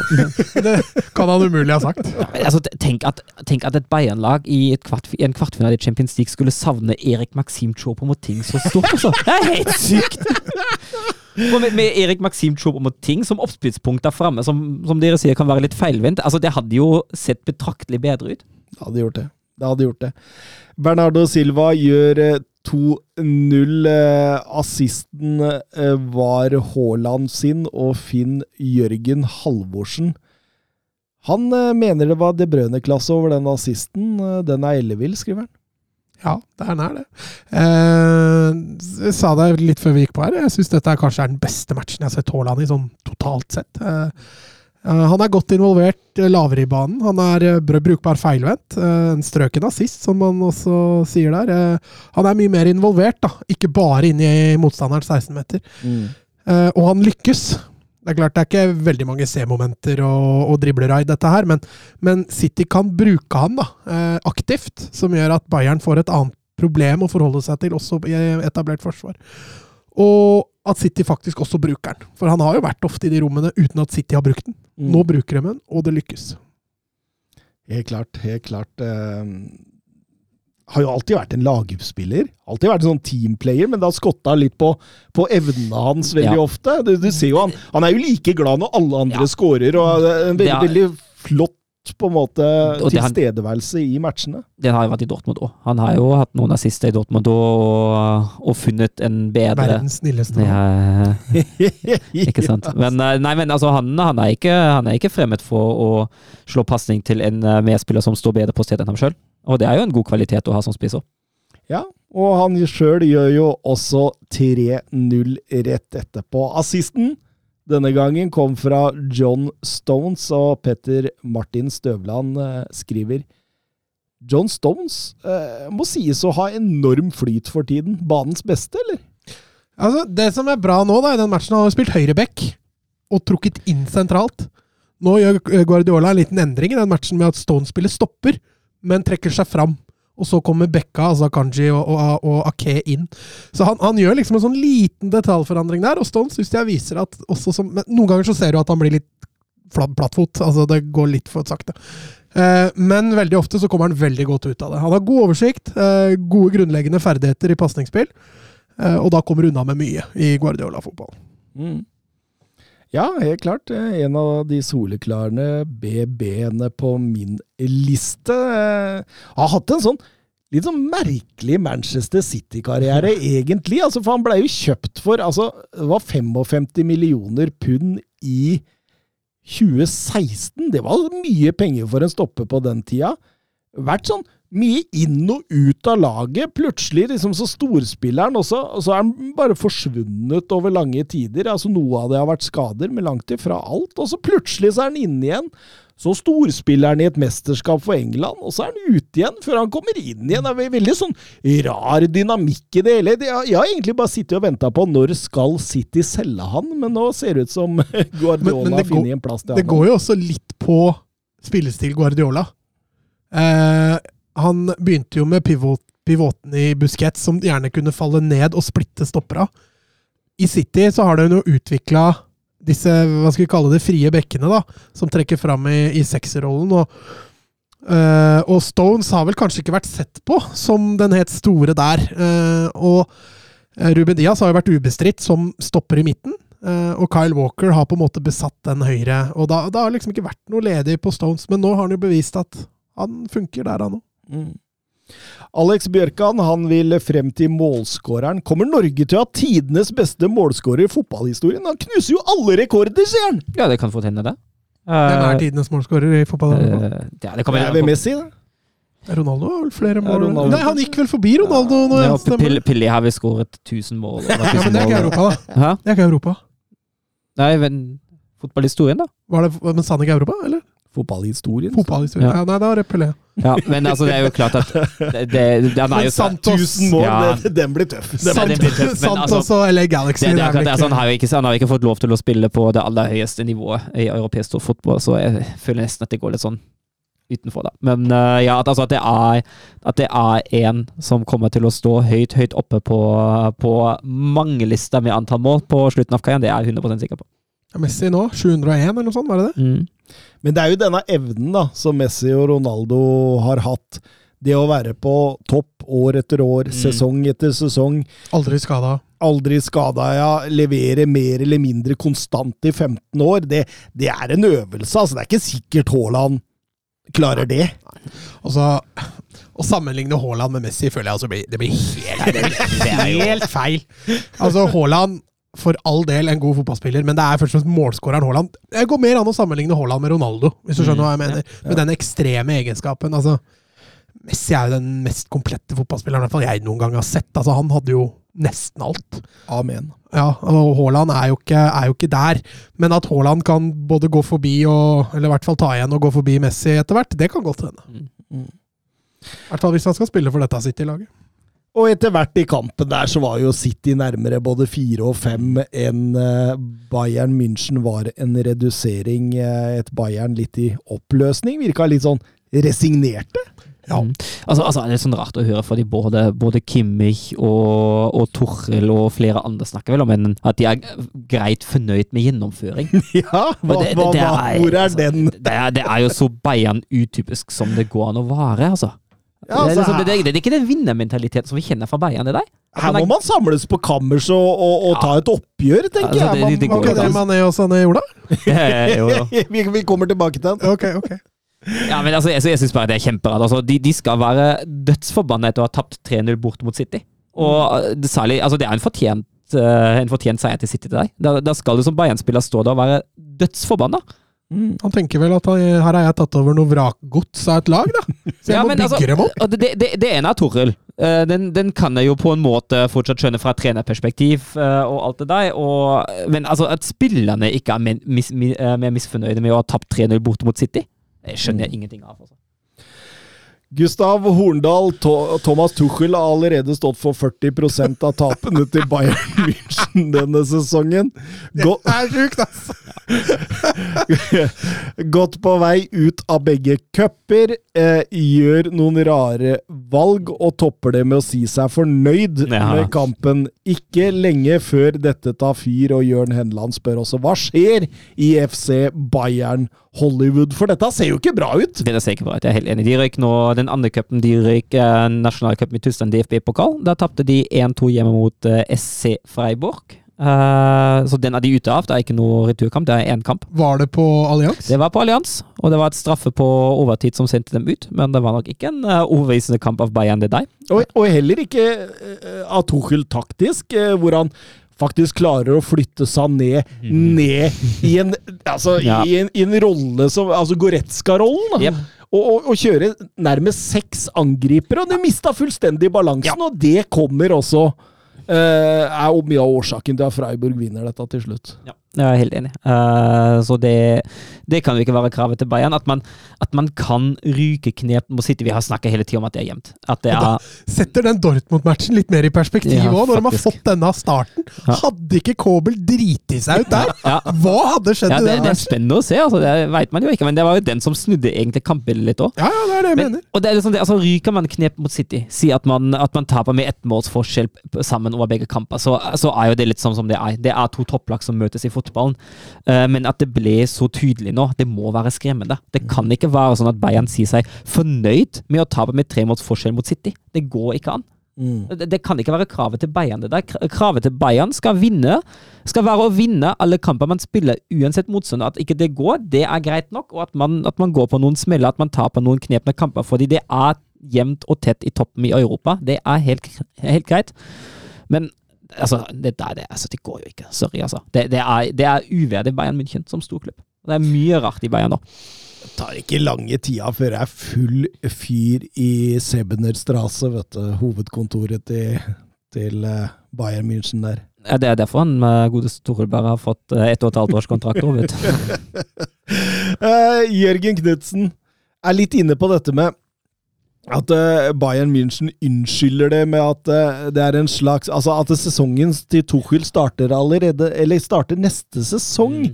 Og, og, og, og føler at dette er en dårlig unnskyldning. Ja, jeg er helt enig. Uh, altså, fordi Igjen, da er vi på Bayerns kraft. Da er vi på det som før sesongen Bayern snakka om at det er den beste troppen noensinne. Og så er det helt krise når Erik Maxim Choupo-Moting er ute. Altså, de, de, sier jo sitt, da. Uh, at det offensive spillet faktisk nest... Altså, til en viss grad da, stå og faller med Erik Maxim Choupo-Moting i Bayern. Ja, men det Altså, det kan, det, kan, vi kan, ikke, det kan jo ikke ha det sånn. da. Det kan jo ikke være kravet til Bayern. Altså, det er jo noen forsømmelser som har blitt Nei, gjort. og, og så jævla god er han ikke heller. Nei, det er Altså, det er jo det som er greia her. Nei, men det er ingen som kan fylle rollen, da. Det er det som er problemet. Ja, men helt seriøst, liksom. Ja. Det, det høres jo ut som de savner ja. Altså Ja, ja, jeg er helt, jeg er helt enig med deg. Det er helt krise. Altså, men problemet, problemet At er at han var så god er ass! Det Nei, men- er det ingen tvil om. men Han er jo ikke så god, men det er ingen som makter å ta den rollen her. Det er den typen de har én gang i troppen sin. Og den, den er de akkurat nå nesten helt avhengig av for å få det offensive til å gå rundt. For at det ser noenlunde greit. Altså, ja, det, det, kan, det kan holde at man, at man sniker seg til en 1-0-seier mot Freiburg. At, at man, at man, at man ikke de tapte jo 2-1. ja, den, den seriekampen etterpå vant 1-0. På Uh, påskehelga ja. møttes dem igjen, skjønner du. Ja, Uh, og at, eller at man, at man, at man slår, at man slår Borum og Hertha og Hoffenheim og alt det der. Det er greit nok, det.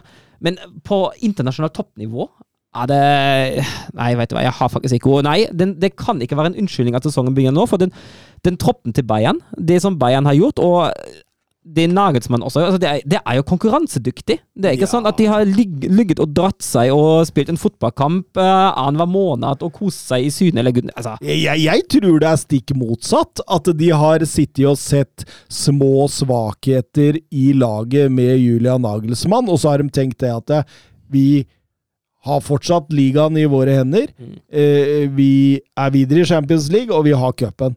Vi må sørge for ah, en, en som kan dra dette i land. ja, det er, det er jo det som har skjedd. Ja. Da, da Tuchel var ledig altså De fant jo først ut at Tuchel var ledig og ønsket å gå til Bayern. Og Det var da man bestemte seg for å fyke Nagelsmann. Og Hadde- Tuchel har jo vist det at han kan vinne Champions League. Han har vist det at han kan vinne det aller meste, så det Ja, jeg, jeg, jeg, jeg er fortsatt eh, om at Bayern kommer til å ta seriegull. uh, men det må tas et oppgjør med den sesongen her. Uh, for den har ikke vært bra nok. Den har ikke vært bra nok i troppssammensetning, uh, og den har ikke vært bra nok på banen heller, i store deler.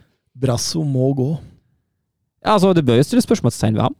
Uh, at, altså, at, at man ikke har henta inn en ny spiss som erstatter for Robert Lewandowski, det er jo igjen tjenesteforsømmelse. Mm. August Landstad han eh, vil litt tilbake til hva som skjedde i garderoben etter matchen, for der skal Mané ha banka til og tatt en Valverde, rett og slett, på egen lagkamerat Leroy Sané. Og han spør vil Mané gå inn i Bayern-historien som en stor flopp. Ja, det kan se sånn ut nå. Eh, det, det som er forhistorien der, er jo i, i minutt 82 er jo en pasning som Sané spiller til Mané. Mané stikker, mens Sané spiller en pasning da han må møte. Eh, og så blir Sané ekstremt forbanna. Eh, man ser det faktisk på banen at han begynner å kjefte og veie med armene. og alt Det der. Eh, det skal Mané ha likt ekstremt dårlig å bli snakka til på den måten der.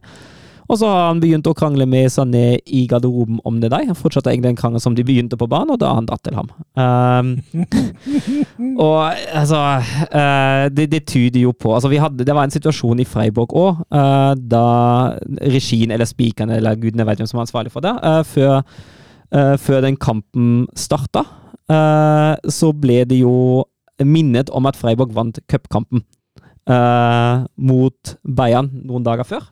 Og det har eh, Joshua Kimmich likte veldig dårlig, så etter kampen så feiret han ekstremt provoserende i retning Freiburg-supporterne, og sørget jo for at uh, spillerne blir sure da og alt det der, og fikk gult kort for det hele. Og det viser litt sånn hvordan stemningen er i den troppen nå. Uh, det, er, det er nok ganske anspent, og det er ikke noe, er ikke noe letthet der om dagen, altså. Uh, og tyder jo også på at sammensetning ikke er særlig homogen. Uh, Mané, det kan jo sies, er blitt suspendert uh, til neste kamp mot Hoffenheim nå. Han skal ikke være i troppen der. Uh, skal også få en eh, rimelig bot. Um, Av Bayern, liksom? Ja, av klubben. Eh, Det er jo og oppsigelsesgrunn. det er, jo, det er jo egentlig det, men det har, det har skjedd før. At Bayern-spillere har flyttet i tottene på hverandre på, på trening. Det er riktignok en god stund siden på starten av 2000-tallet, slutten av 1990-tallet. Uh, da var det vel Lisa Razou og Skjold som begynte å Gode gamle Mehmet. Gode gamle Mehmet, hvis jeg husker det riktig. Lisa Razou husker jeg var involvert. Skjold tror jeg også. Det var de to som fløy tottene på hverandre, og så ble det, ble det løst på den måten der òg. Begge to fortsatte jo i klubben eh, en god stund etter det.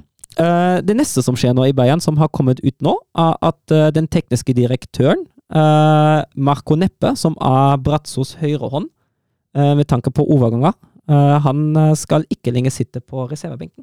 Nei.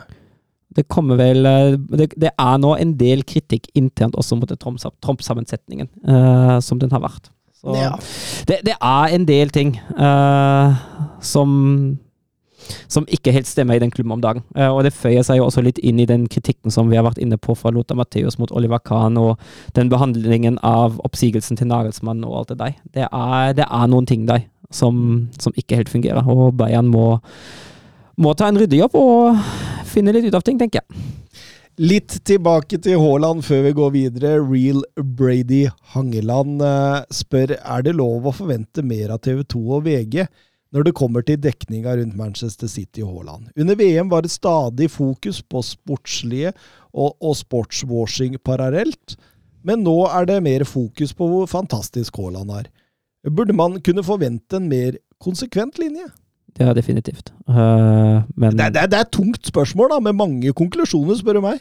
Ja, men han han har jo et poeng, da. Altså, vi, snakker jo, vi snakker jo ingenting i mediene snakkes jo om, uh, snakkes jo om uh, hvilken klubb Haaland har valgt. Nei Det kommer jo ikke noen kritiske spørsmål. Eh, det kommer ikke noen kritiske spørsmål fra Viaplay som dekker det her. Uh, Viaplay. det kommer ikke noen De, ikke det De har jo lagd tre ja, ja. dokumentarer om Haaland, hvor kom- fantastisk han er, så de er jo, Jo, jo. Men det, det kommer ikke noen kritiske spørsmål fra VG eller TV 2. TV 2 hyller ansiktet til Haaland.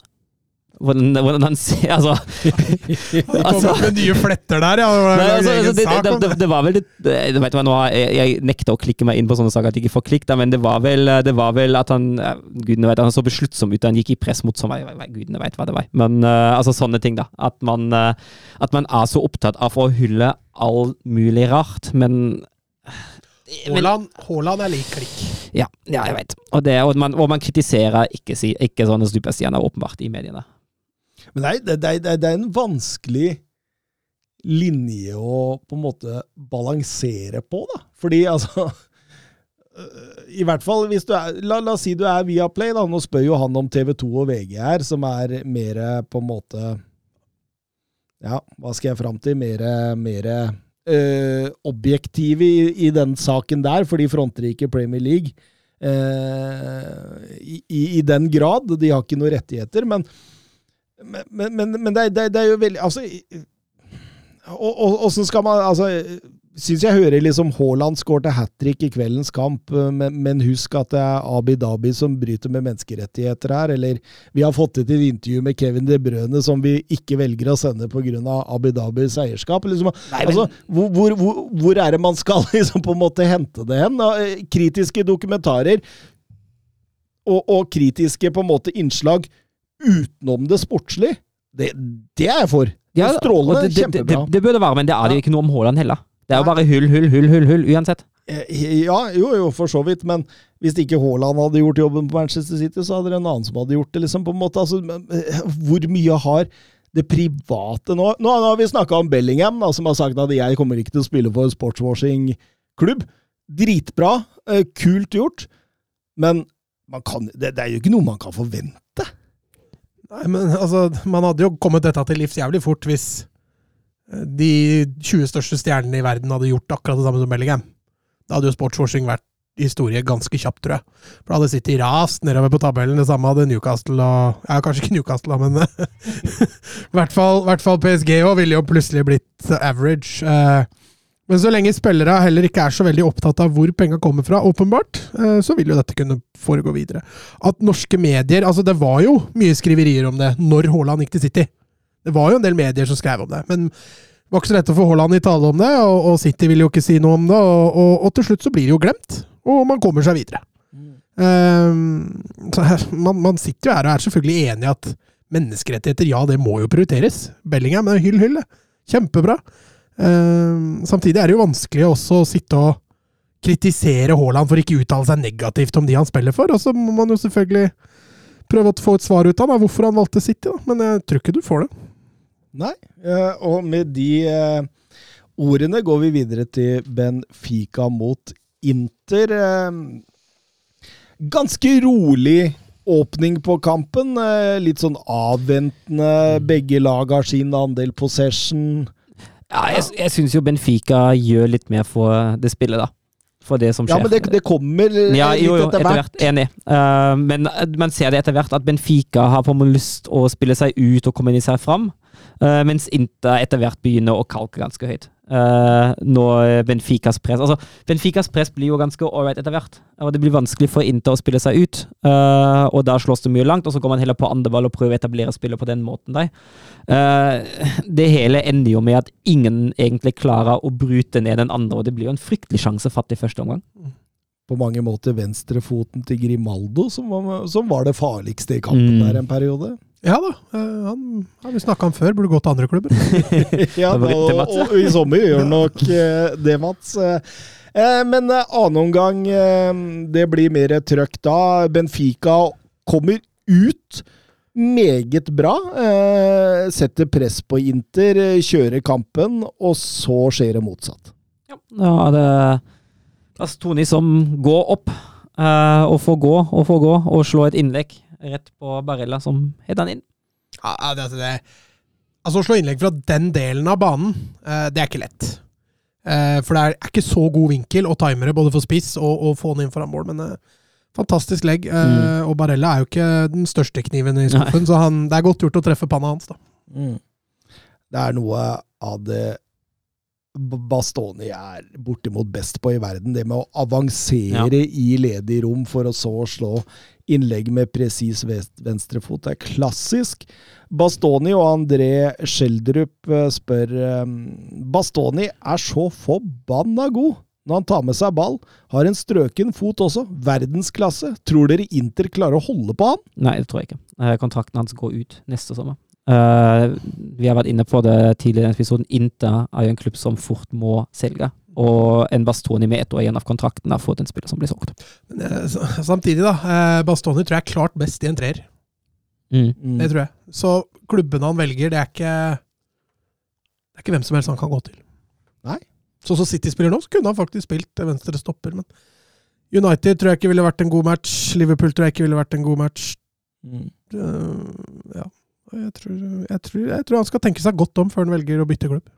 Det er PSG og Manchester City som på en måte har Ja, ja. I, i, i- fjor sommer var det jo Tottenham for så vidt, eh, og, og Conte, men jeg regner med at med Conte så forsvant den linken. Men, men, men samtidig, da. Jeg vil jo tro at Inter prøver å strekke seg langt her. Altså Nå mister de Skrinjar gratis i sommeren. Da, da, da står de igjen med en De Frey på vei ned og en Aserbi på 35, liksom. Det, det er ikke Ja, Darmian han spilte i den kampen her. Han har jo spilt det de siste matcha vel for Inter. Han har spilt Mm. høyre stopper, så Det er litt skralt om den plassen der, så ja, hvis det er noen spillere Inter bør strekke seg etter, så er vel Bastoni ganske høyt opp på den lista.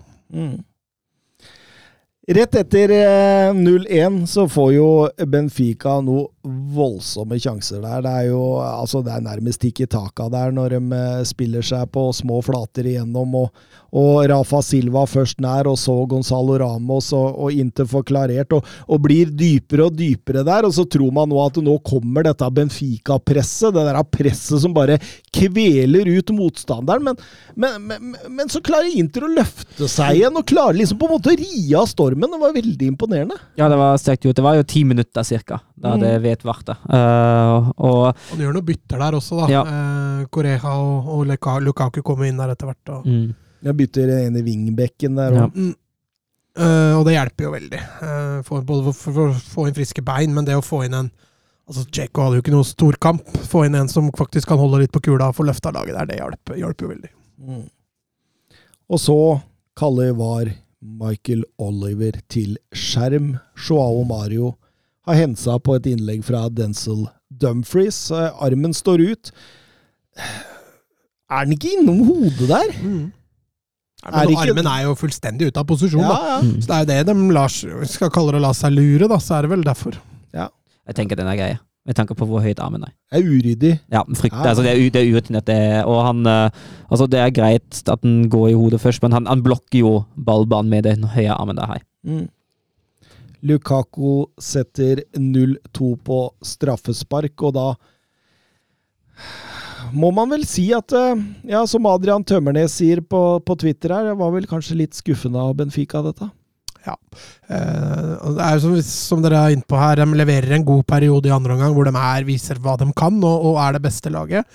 Men uh, in, dette gikk jo fra å være en ganske 50-50-kamp til å bli en ganske klar favoritt nå på Inter, selv om, selv om Inter også har vært veldig haltende i form i det siste. Så vi skal ikke avskrive Benfica her. Bortemål gjelder jo ikke lenger som dobbelt, så jeg tror ikke, tror ikke Benfica skal legge seg ned og, og spille død, men uh, Benfica skuffer nok i den kampen her til at du, Inter blir nå favoritter. ja. Og jeg, jeg, jeg, jeg som har sett en del Benfica, jeg syns jeg så en sånn at eh, de led litt under fraværet av Ba og Otamendi. Altså, det var jo to av fire i bakre rekker der som var eh, ute. Eh, ba fordi man fikk ikke den offensive trusselen fra andre sida. Det ble veldig, veldig venstrevridd. Eh, stort sett alt som skjedde. Og Otamendi fordi altså, han er det rutinerte alibiet, da. Morato og, og Silva der, de er, de er jo yngre enn meg til sammen. Eh, de, de, de er gode, men de, de, de har ingen klare ledere.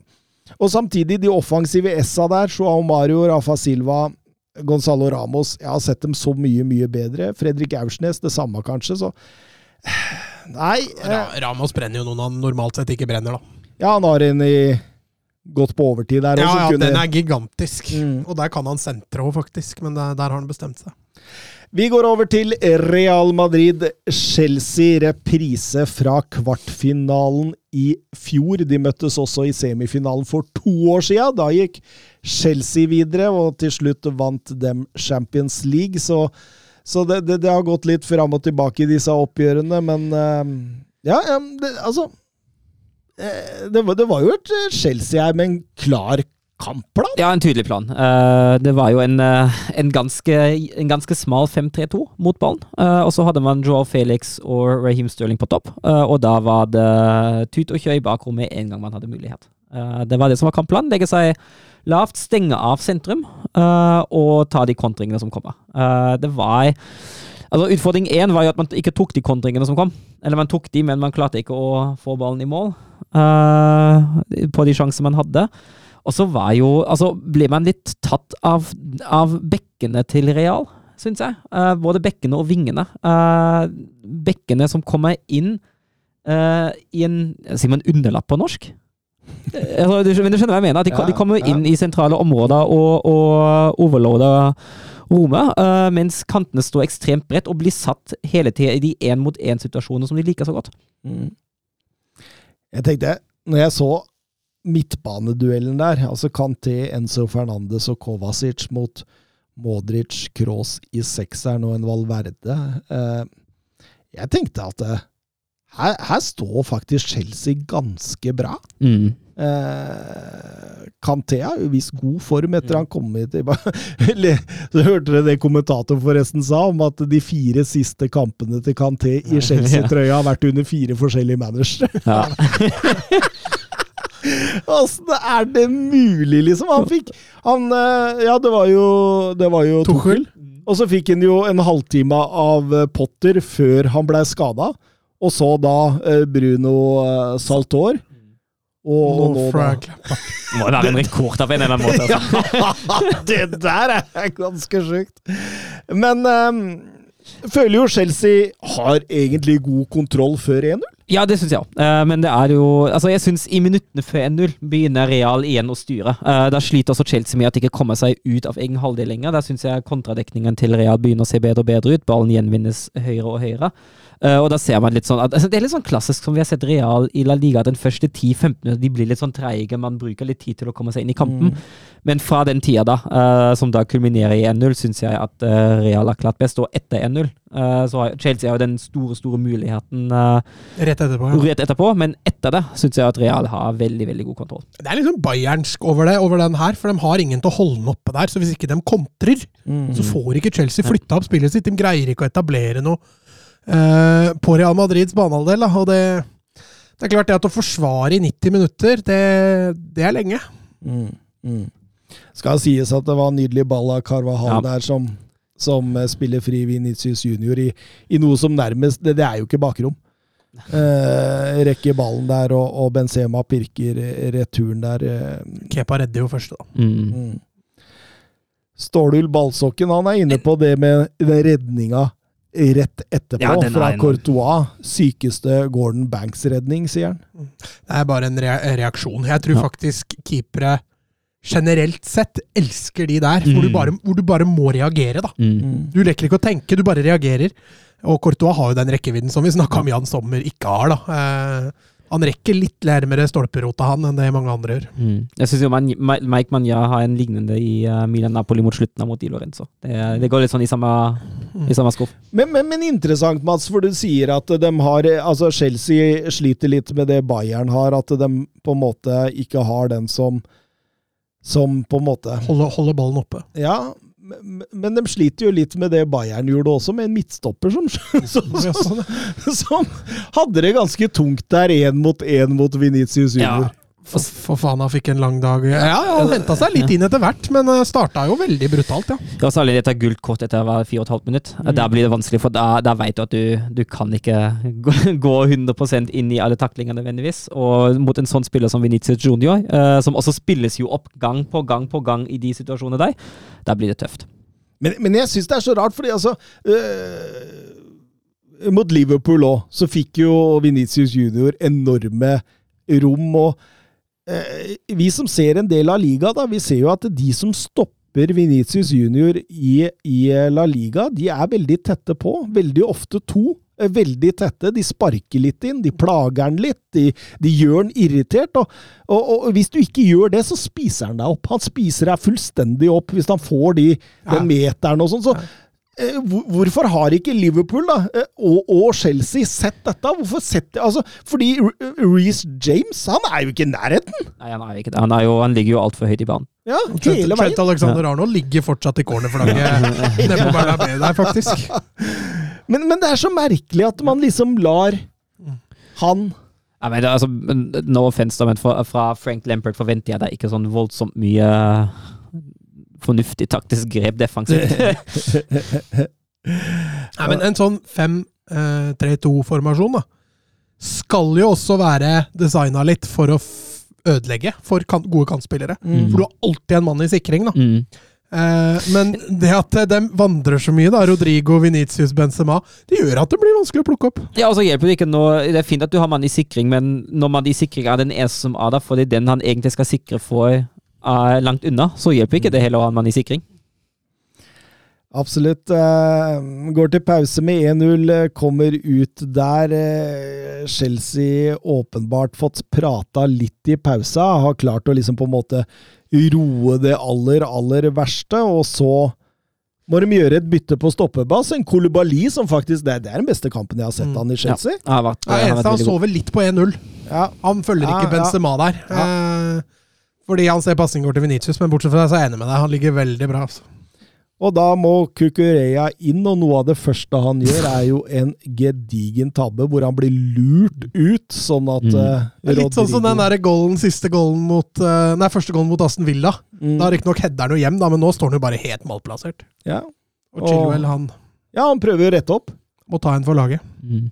og, og river ned der og får uh, et soleklart rødt kort, og da da, da da så jeg liten vei tilbake i dette Nei, for Chelsea. Det, Altså. det, gjør jo, det gjør jo Lempert, og nå han bytter inn Havertz og Chaloba for eh, Felix og, eh, og Støling, Da går han jo inn i en 5-3-1, og det ser jo ut som at han tenker at ok, her får vi ta med oss 0-1, og så får vi heller snu det hjemme. Da hjelper det ikke å sove på en corner. Nei. Apropos Gjelleråsen, tenkte du på i, på tirsdag? Var det det du mente? Ja, for det var jo litt det dere gikk igjennom. ja, vi sovna for en corner. faktisk. Og Wangberg stanger inn Ja. eh, Er det 2-2 der? Eh, 2-1, faktisk. det var da de gikk opp i Mm. 2-1. Nei, de sover. Real Madrid tar en kort en rett ut av uh, Ascencio. Hvis det er én spiller på Real Madrid du ikke vil gi albueplass utafor 16, så er det vel han. Mm. Kepa litt dekka, går gjennom beina på, på Fofana der, og, og han ser den sent og, og, og sniker inn 2-0. Og, og da går Lampard over i en 4-4-1. Får inn på Gallagher og, og, og Mount. og øh, Null kontringsstyrke i laget, og vil på en måte bare prøve å ebbe dette ut til 2-0. Da, for det, da står jo faktisk sjansen fortsatt på Stamford Bridge. Ja, ja det, altså, det er jo litt sånn forståelig når man er en mann mindre. Og kamp, det kampbildet som har hatt, at man tenker at hei, det, det, det verste som kan altså det, det eneste som skjer nå, hvis vi satser alt, så blir det kontring imot og 3-0, særlig med, med de kjappe spillene som Real har. Ja, altså Hvis Real Madrid var nok knappe favoritter før denne kampen, de er jo økt det nå. Ja. et uh, Chelsea-lag som også må spille uten sin beste venstreback i tillegg, så Nei, jeg ser ikke Jeg ser ikke store muligheter for Chelsea her. Men, men de har kvaliteter. det gjorde vi ikke i fjor heller, når eh, de røyk 1-3 på, på Stamford Bridge og, og skulle til Santiago Bernabeu. Da leda de 3-0 når det var ti minutter igjen, og det, man fikk eh, rett og slett bare altså, altså Real Madrid flaksa seg videre der, altså. Mm. Med Rodrigo og et seint uh, Benzema-mål, så Man hadde denne historien i fjor òg. Men da gikk jo Chelsea videre, da. Nei, da gikk Real Madrid videre. Ja. Real Madrid, mener jeg. Da gikk Mm. de jo videre. da. Ja, men det var marginer. Det var marginer. Jo, men det har Real Madrid hvert år i Champions League. Du må, du må, du må filleriste Real Madrid for å klare å slå dem ut av Champions League. Um, Ayman på Twitter gi terningkast på triksingen til Angelotti med henda i lomma. Klasse! Ja. Terningkast sju, altså. Synes jeg. Altså, hvordan han, altså, jeg syns synes det er så kult. Han, Vet du hva, Jeg har dressko her inne. Vi skal ta på det. Skal jeg trikse de fire, jeg òg. Det er ikke noe problem. Med hvordan, i lomma. jeg, jeg syns det er kult hvordan han står der med hendene Ja, i lomma. kult, ja. men, altså, Kulnessen, det er terningkast sju. Det er Ja, det er Det er jeg Ja, jeg tenkte jeg, jeg hadde gjort det der, han er i blinde, men aldri så kult som Ja. det han gjorde det. Han mangla faktisk bare sigaren. ja, helt enig. Det er helt nydelig. Eh, Jonathan Hobber, Real Madrid eh, skal legge 60 på bordet for Cancelo i sommer. Hva tenker dere om det? Altså, Den pasningen Carvahall hadde fram til Venitius der, er vel noe av det beste Carvahall noen gang har gjort offensivt. så... Men en Cancelo i motivert Cancelo, vel å bemerke. Det er ikke mange lag han ikke styrker, altså. Nei, men samtidig City vil ha han vekk. Bayern München vil åpenbart ikke ha han. Altså, de kommer ikke til å bruke de 70 millioner opsjon på ham. Det er jeg rimelig sikker på, i hvert fall ikke som han har vært nå. Er det et lite varsku på at han er litt på vei ned, kanskje? Ja, Han trenger kanskje i hvert fall et miljøskifte, da. Eh, på vei ned? Altså, ja, Van Dijk på vei ned, eller? Ja, men altså, altså, vi, altså Det er jo bare et år siden vi satt her og snakka om verdens soleklart beste bekk. Og, og, og, nå har denne bekken nærmest blitt kasta ut av Manchester City etter VM, og, og, Bayern München har stått og tatt den imot og, har plassert den på benken. Altså, det må, det må jo være en grunn til det. Et eller annet er det jo også, han, han, altså Sitte i utkastelsen er jo fordi han krangla med Guardiola for han ikke fikk nok spilletid, men det er jo også, det er en, men det er en grunn og også eh, holdningen Ja, i forhold til ja, treningsarbeid og alt det der. det, Men det er jo en grunn til at han ikke har fått den spilletiden heller. Det er også en grunn til at han fortsetter å ikke starte kamper for Bayern München nå. Mm. Så et eller annet må det jo være, selvfølgelig. Det er ikke sånn, altså, det er ikke sånn at uh, den backkonkurransen i Bayern, uh, særlig på høyresiden med Benjamin Pavai, er sånn superhøy, altså. Nei. Nei, det er, det, det, det, er, det er et eller annet som skurrer der, selv om vi ikke kan avskrive den på noe som helst måte. Han er jo blir vel 29, tror jeg, inn mot sommeren nå, så. Ja da, og Real Madrid har jo vært på jakt etter en høyreback lenge.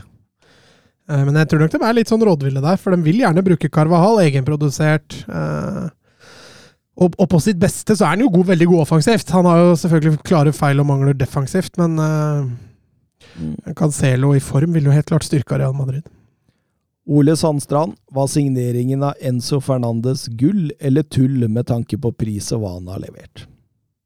Det er jo altfor seint, eller altfor seint, altfor tidlig å, å, å konkludere ennå. Eh, Jeg syns Fernandes på sitt beste viser hva han, hva han kan. Og, og, og greier man å stabilisere de prestasjonene over tid, så vil han jo definitivt være verdt det for Chelsea. Eh, Så det er klart, Han hadde jo ikke noe god kamp mot Real Madrid. Eh, Altså, han hadde ikke noe dårlig kamp heller, men han var helt average, og da, da kan man jo tenke at det det er ikke det du kjøper for 100 millioner, men, men det har jeg sagt det før. Chelsea la inn dette her på potensial også. Det var ikke bare for å få noe ut her og nå.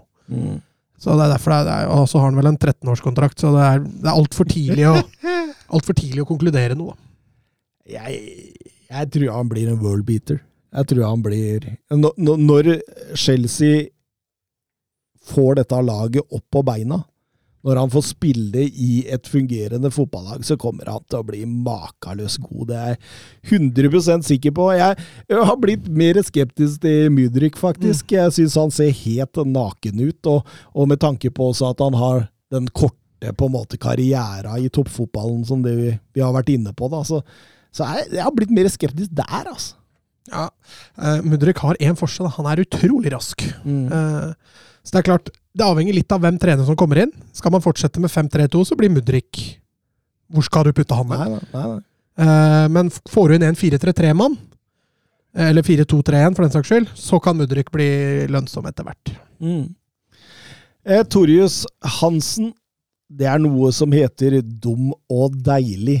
Todd Boiley er åpenbart dum og rik. Frank Lampard ut sesongen kunne like godt stått med sin mann Graham Potter. Vet du hva, Det samme tenkte jeg da Frank Lampard ble lei. Jeg tenkte akkurat den samme tanken, at dette her ga ingen mening. Uh, særlig når vi, vi har snakka om at det var noe utvikling under Potter. Uh, Potter mener jeg er en klart bedre trener enn Frank Lampard. Uh, alt det Frank Lampard får ut av den sesongen, hadde også Graham Potter fått ut av den sesongen, og så kunne man heller ha tatt en fornuftig evaluering av sesongen og Potters prestasjon etter sesongen og bestemt seg der og da. Jeg mener at det er fullstendig hårreisende å sparke Potter for å få en Lamp eh, Lampard som caretaker. Altså, Lampard hadde én god sesong i Derby. Etter det så har han jo Ja, han var jo god Brukbar debutsesong i, i, i Chelsea, Ja, der de hadde ja, registreringsnekt og han måtte spille med alle disse unggutta. Den, den var bra. Men det var ikke noe stor spillestil. Nei da. Nei Det da. var jo fordi han hadde fortsatt et veldig bra lag. Plutselig, når han fikk et godt lag, så fada det ut. Ja. Og, og det har det jo for så vidt gjort i Everton òg, tross alt han redda dem i fjor. Men det har jo gått én vei der òg. Så det, det, han har jo ikke overbevist meg enda, eh, men jeg, jeg tror jo de har tenkt at Og det hadde vært mer forståelig om man hadde fått henta inn Nagelsmann, men her tror jeg man Det er et eller annet som har skjedd der, at Nagelsmann har sagt uh, vi begynner fra neste sesong av, eller et eller annet sånt. Ja, men da, det kan man jo avklare før man sparker potta, da. Og det har jo Bayern gjort med Torel òg, at man har avklart ok, du er klar, du har lyst, greit, da gjør vi det nå. Og det, det er jo ikke noe, ikke noe problem å gjøre. Uh, samtidig har jo Bayern Jeg husker ikke hvem som sa det. En eller annen Bayern-ansvarlig har jo noen dager etter at Nagelsmann fikk sparken, som blir en intervju og har sagt at uh, jeg tror ikke vi ser Julian Nagelsmann på en trenerbenk denne sesongen her. Uh, så innad i Bayern var det åpenbart ikke noe stor hemmelighet at uh, det ikke blir Nagelsmann til en ny klubb denne sesongen. Og det kunne man sikkert ha lett funnet ut om man var Chelsea-ansvarlig også. Kom eh, rapporter fra Tottenham også på det, at eh, grunnen til at Stelini ble valgt ut sesongen, var at eh, Nagelsmann sa 'jeg er ikke aktuell denne sesongen'. Eh, Kim Jansen, kjør en selv behold og benk-variant av Chelsea-stall. De har jo en del kvalitet. Begynner med keepera, begynner ledd for ledd. Ja, men keepera er bare selv, selv. Selv benk, da. Selv benk. Kepa, Mendy og Slonina. Jeg syns det er en god trio. jeg. Det er jo ingen klare enere der. Du har Kep- ikke noen Kepa har jo vært klar i Kepa ett er nå. er ikke, Det er ikke noe Courtois. Nei, nei, men hvor- hvem, hvem, skal de hente, da? Magna? Ja, jo, jo. Da hadde de Men ja. Hadde de hatt råd og penger til det, så er det, så er det, er det for så vidt Har du sett Chelsea på overgangsmarkedet i år, eller? Jo, men det, det må jo ha kosta. Ja, det gjorde det. Ja. Men den banken tror jeg ikke at den er ikke tom. Nei, med fair play. Jo, men så selger de for 600 millioner nå i sommer. ja, ikke sant? Nei, nei. Eh, for så vidt. Eh, det går an å få bedre, men ja, ja. Bekker eh, James Aspilicuelta, Shilwell, Kukureya og Hall. Snart Malo Gusto. Det er vel ikke noe spesielt å gjøre? Jeg, jeg, spiller, jeg spiller ikke Oeta. Hvis han, hvis han tar seg en sesong til som backup, er jo det greit nok, det. Ja, da må, de, da må de i så fall spille med trebecks- eller Mm, ja. fordi Malo Gusto og, og James skal eie den høyrebekken Mm. langt foran uh, Så han, han, Aspilicuelta. han, Altså. tenk, han tenker jo er jo sånn sett en utkandidat. Det samme gjelder jo Hall, uh, som kan fint settes på lån, ikke noe selv, men jeg tenker at et, en låneavtale der kan jo være fornuftig. Stoppere. Tiago Silva, Fofana, Shaloba, Kolibali og Badia Schill. Det er mye framtid, da. Bortsett Mm. fra Silva. Eh, Men det- her, her er må de jo beholde. kvalitet. Eh, Silva er jo den som holder det midtforsvaret sammen når det går bra. Sjaloba Shaloba har jo vist å være veldig ustabil. Den eh, Han trenger nok åpenbart mer tid, så der må det enten selv eller utlån. Badia Schill han har jo vist gode takter. Kolibali viste jo det nå i helga, for kanskje første gang omtrent. For faen, det er jo et stortalent. Mm. Ja. der er det vel i så fall bare Sjaloba som Og så blir det jo litt sånn, da. Skal de spille tre bak, eller skal de spille fire bak? Ja. For hvis de skal spille fire bak, så, og, og Tiago Silva tar den ene oppstillingen, eller den ene plassen neste sesong, da, så blir de jo stående med, med en haug av spillere, liksom. Altså. Men, men jeg er litt mer skeptisk til Thiago Silva i en firevekstlinje i en trevekstlinje. ja. ja. Ja han får det jo mye lettere arbeidsvilkår, ja. at han kan stå der og styre og lede. Ja. Og det, det er litt sånn usikker i hvilken grad han, eh, han kan gjøre det samme i en firevekstlinje. Jeg ser den. Eh, midten, Enzo Fernandes, eh, Kanté, Zakaria, Kovacic, Kovacic eh, Gallagher, eh, Loftus Cheek, Sjokvomeka og Santos. Eh, her bare tar han på offensiv midt og kant. Ok. Eh, Hvem var siste du sa? Santos. Ja, han nye, ja. Ja, ja. Han må jo, må jo dras inn i miksen, han òg. Jeg tenker jo Enzo Fernandes, Chukwomeka, Santos og Kanté i en skadefri er en klar behold. Mm. Og så er jeg mer usikker på denne gjengen Kovacic, Gallagher, eh, Loftus Cheek. Eh, Man behøver squad players for all del, men, men her må man få inn en sånn verdensklasse boks til boks. Mm. En uh, Barella eller en Frenkie de Jong. Ja, en sånn type spiller. Eh, så, så, fasiten for meg blir gjerne selv Kovacic og, og, og Loftus Cheek. Eh, ikke cash ut Zakaria. Behold Gallagher som en squad-spiller og hente inn noe, noe verdensklasse ved siden av. Eh, offensiv midt og kant. Eh, disse som ligger enten bredt i rommet bak angriper, eh, eller eh, de som ligger helt ut på linja. Der har vi Mount, Havertz, Stirling, Pulisic. Modric, Madueke, Siertz, Felix Ja, ja, Felix, vi tar den med i miksen. Og snart en Kunku. Det er jo et hav av spillere. Det er mye, det er my, mye, mye likt òg. Uh, veldig mye likt. mye kvalitet, mye kvalitet og, ja. Det er to plasser det, som skal fylles av den gjengen der. Det kommer, kommer an, det kommer jo an på hva som spilles da, av neste trener. Ja, men sannsynlig er det to plasser. Ja, og sannsynlig må jo, det må jo komme en spiss inn der. Altså, eller ja, det har jeg ikke tatt med spissen ennå, du, nei. Nei, nei, vi tar den etterpå. Nei. Kommer til spissen der, blir det litt kjedelig. Altså. Selv, selv, selv, selv, selv. Ja, faktisk. uh, nei, uh, jeg hadde i hvert fall beholdt uh, en konko som kommer nå, selvfølgelig. jeg hadde, Selv en konko! Jeg hadde beholdt Velkommen til Stamford Bridge, ja. der er døra! Ikke sant. Uh, jeg hadde også beholdt uh, Havertz, uh, Mount og, og Madueke. Modric er jo litt sånn for tidlig å avskrive helt ennå. men Stirling, Pulisic, Ziyech og Felix hadde jeg kanskje kvitta meg med. Felix har jo vært en av de beste. Ja, men Det hjelper ikke når Konko kommer akkurat som en spillertype. Da skal du med to sånne som koster skjorta.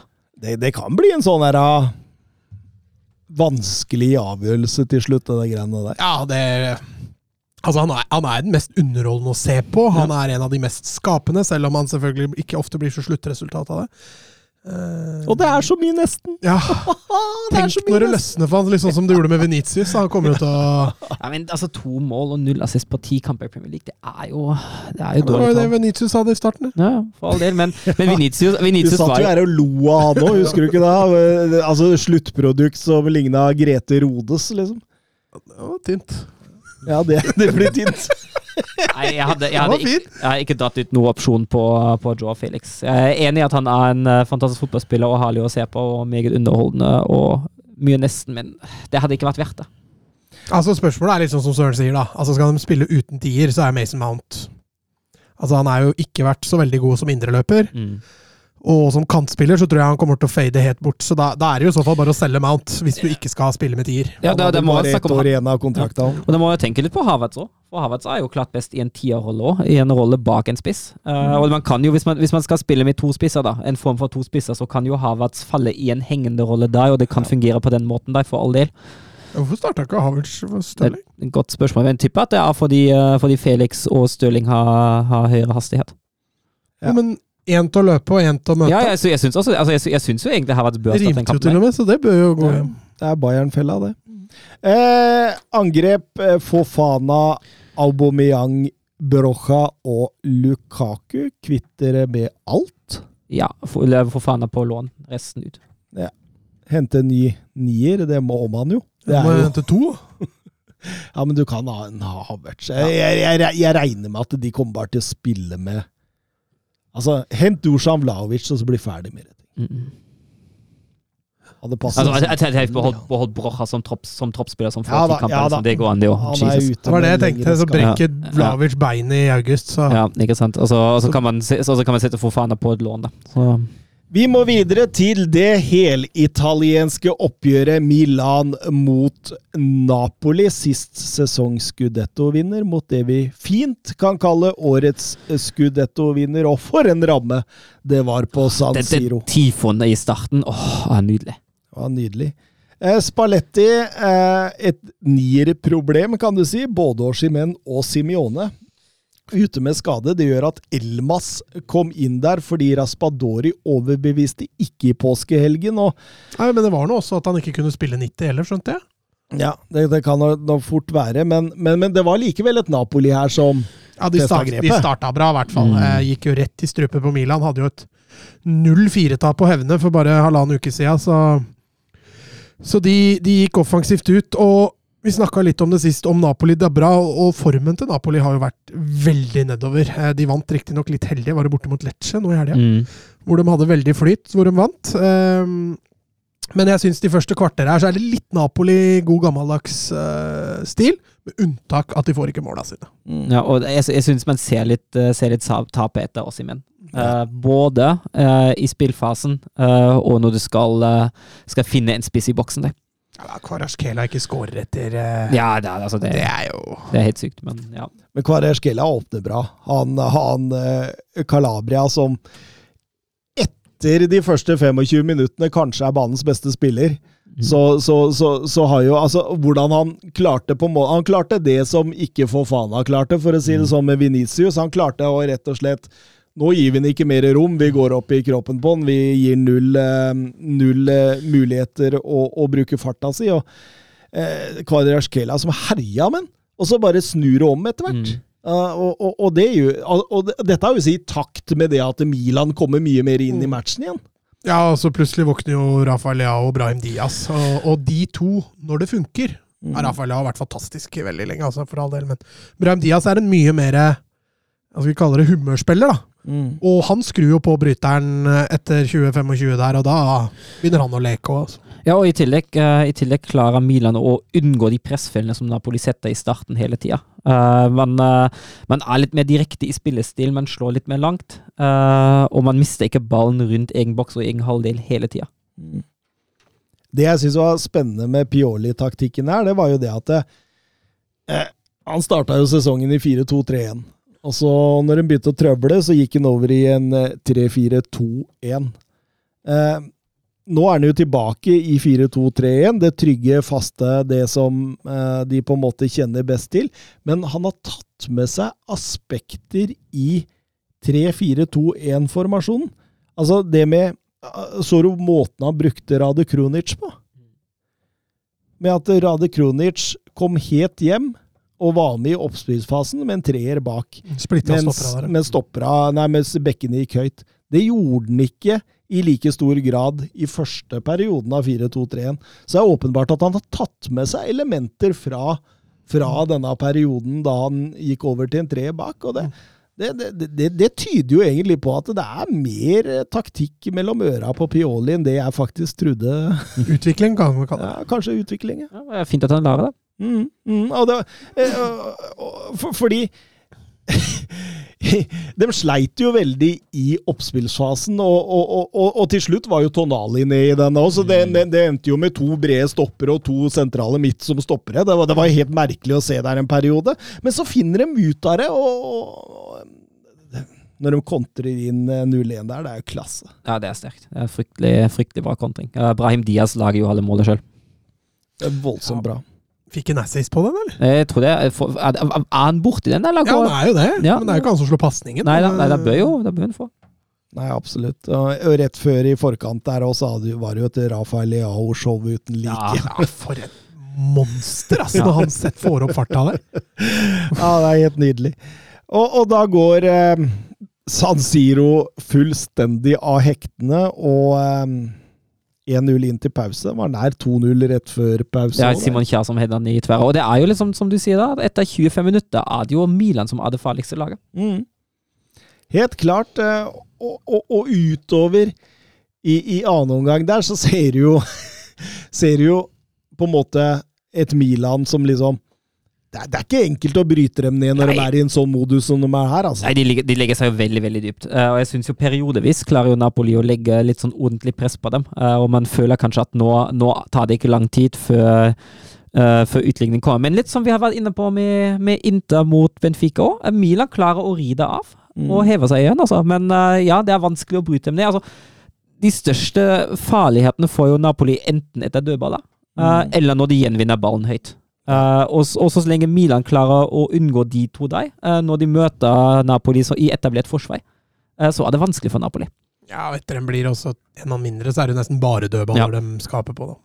blir veldig frustrerte der etter hvert. Mm. Slutter nærmest å spille fotball og er mer opptatt av altså, altså at, at Kim In-ja ikke får spille returkampen, liksom. Det er jo totalt hodemist. Ja, det er jo, det er jo bare seg sjøl å skylde.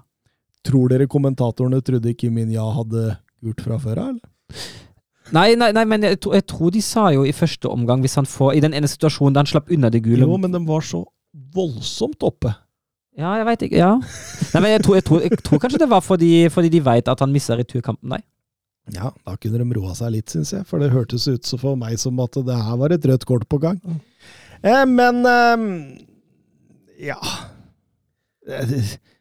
Altså, man, man ser jo et Napoli som nå begynner å liksom vise litt svakheter, da. Ja, Jeg sa det, sa det litt i stad, egentlig. Eh, De er på nedadgående kurve.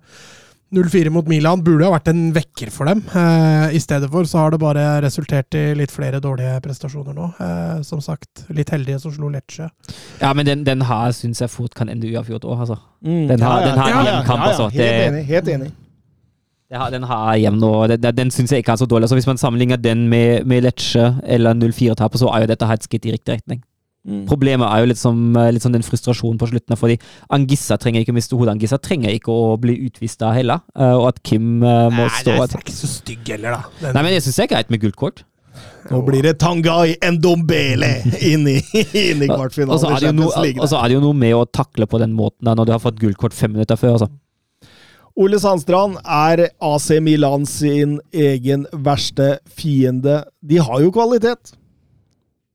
Du tenker på at de bør klare dette nå, liksom? Nei, du må spørre Ole Sandstrand, da. Jeg tipper, ja, det er kanskje pga. den uh, ustabiliteten som de har Ja, vist i serien. Jeg tipper kanskje det er litt mer det. Kan jo tenke det. Altså Det er mye kvalitet, men, men de, de sliter litt med det Tottenham sliter med. Det er det, det å angripe mot etablert. Der sliter de voldsomt. De, de, de er gode defensivt. De har overganger, det det er en nøkkelfaktor. Eh, men likevel, jeg synes Tross seieren, tross at vi sier det vi gjør, at det, du, du ser en kvalitetsforskjell på laga. Tross alt. Eh, suspensjon på Angissa og Kim nå, jeg, jeg tror likevel de skal klare å bikke det i sin favør, nå som Oshimen er, er klar for retur opp. Ja, er han det? Ja. Jeg så det var seint april, så jeg var tilbake. Bekrefta av Napoli at han er tilbake. Okay. Ja, det er i så fall en kjempeforsterkning. I forhold til hva vi har sett av Napoli siste. 60-40 for Napoli, tar det tenker jeg. Ja. 80-20. Eh, Kristoffer Haugland, eh, hvor bør Leao dra til sommeren, og hvorfor er Arsenal det riktige svaret? Er det det riktige svaret? Skal, Martin- Martinelli. Skal Martinelli sitte på benken? Høres råflott ut, eh, Søren. Altså, Å ha, å ha Leo inn i den miksen der, det er jo utvilsomt en forsterkning. Men ja, Martinelli har jo gjort sakene sine veldig, veldig bra. Nei, altså, eh, Det riktige svaret mener jeg ikke er Arsenal. Eh, Da blir, altså Martinelli har hatt en fantastisk sesong. Ja. Eh, Skal lea men han kan jo, du kan jo bruke Leao på spissen, da, selvfølgelig. Får du, får du en som skårer litt ja, flere mål? ja, han er så mye Han, er litt, han har litt uh, Mbappe-vibber. Ja, han han er best når han kommer. Mm. Uh, Ville aldri jo, gjort det i det hele tatt. Han er best når han kommer. Det er du òg, det, Mats.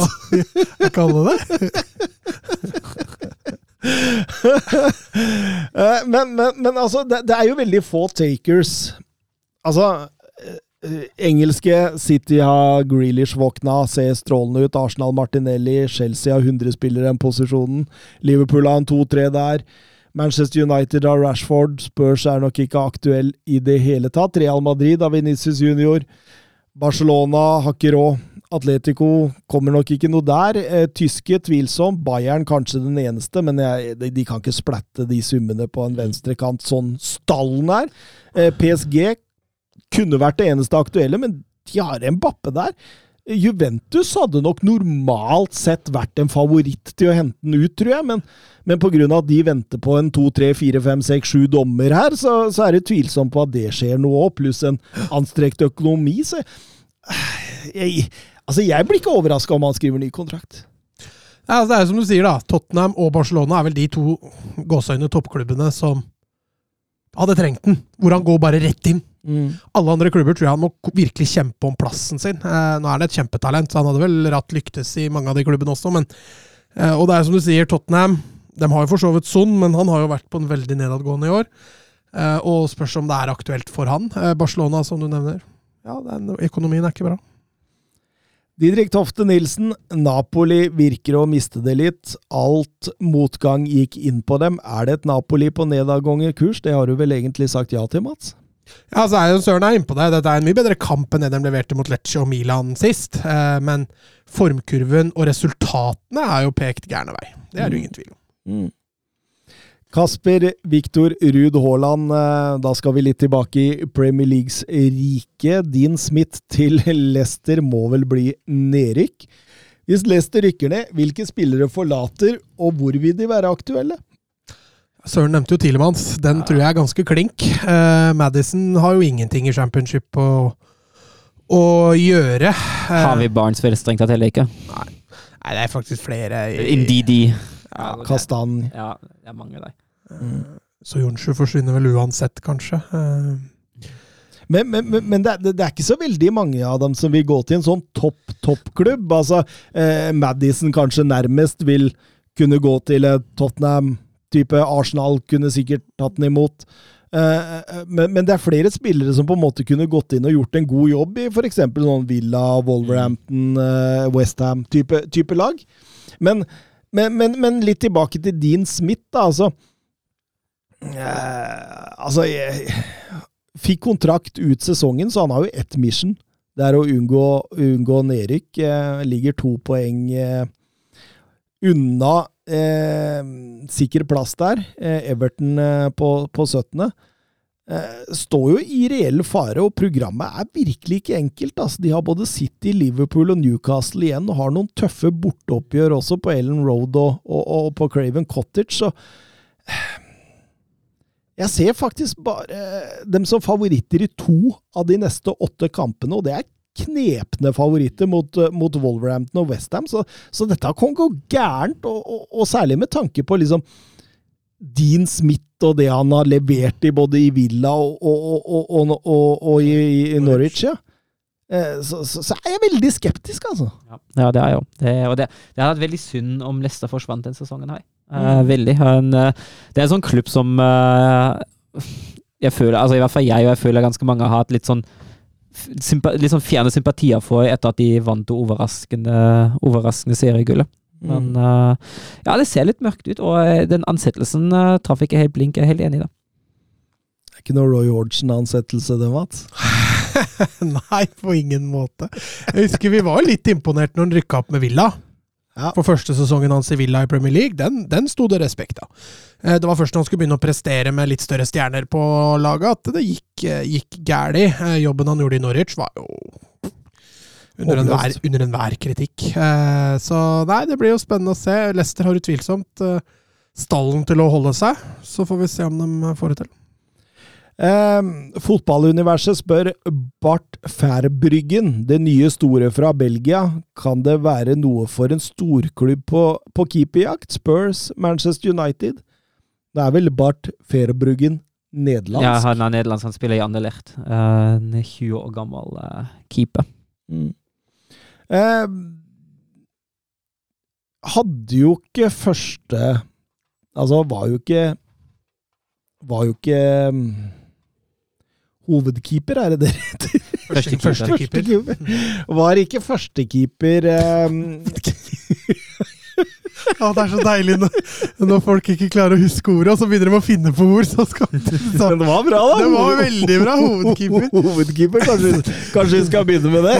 Sette sekundærkeeperen helt i skyggen, da, men Men han, var ikke hovedkeeper eh, eh, før VM. Uh, tok over den plassen etter VM og har jo ikke sett seg tilbake. Har jo et enormt talent, uh, og er jo en litt sånn type som Som uh, Ja, en litt sånn eh, Courtois møter eh, Ederson. Altså god med beina, men samtidig det må jo være en av verdens beste keepere, da. Ja, men jeg tror fort han kan bli det. Mm. Stor, sterk, eh, stor rekkevidde, god med beina.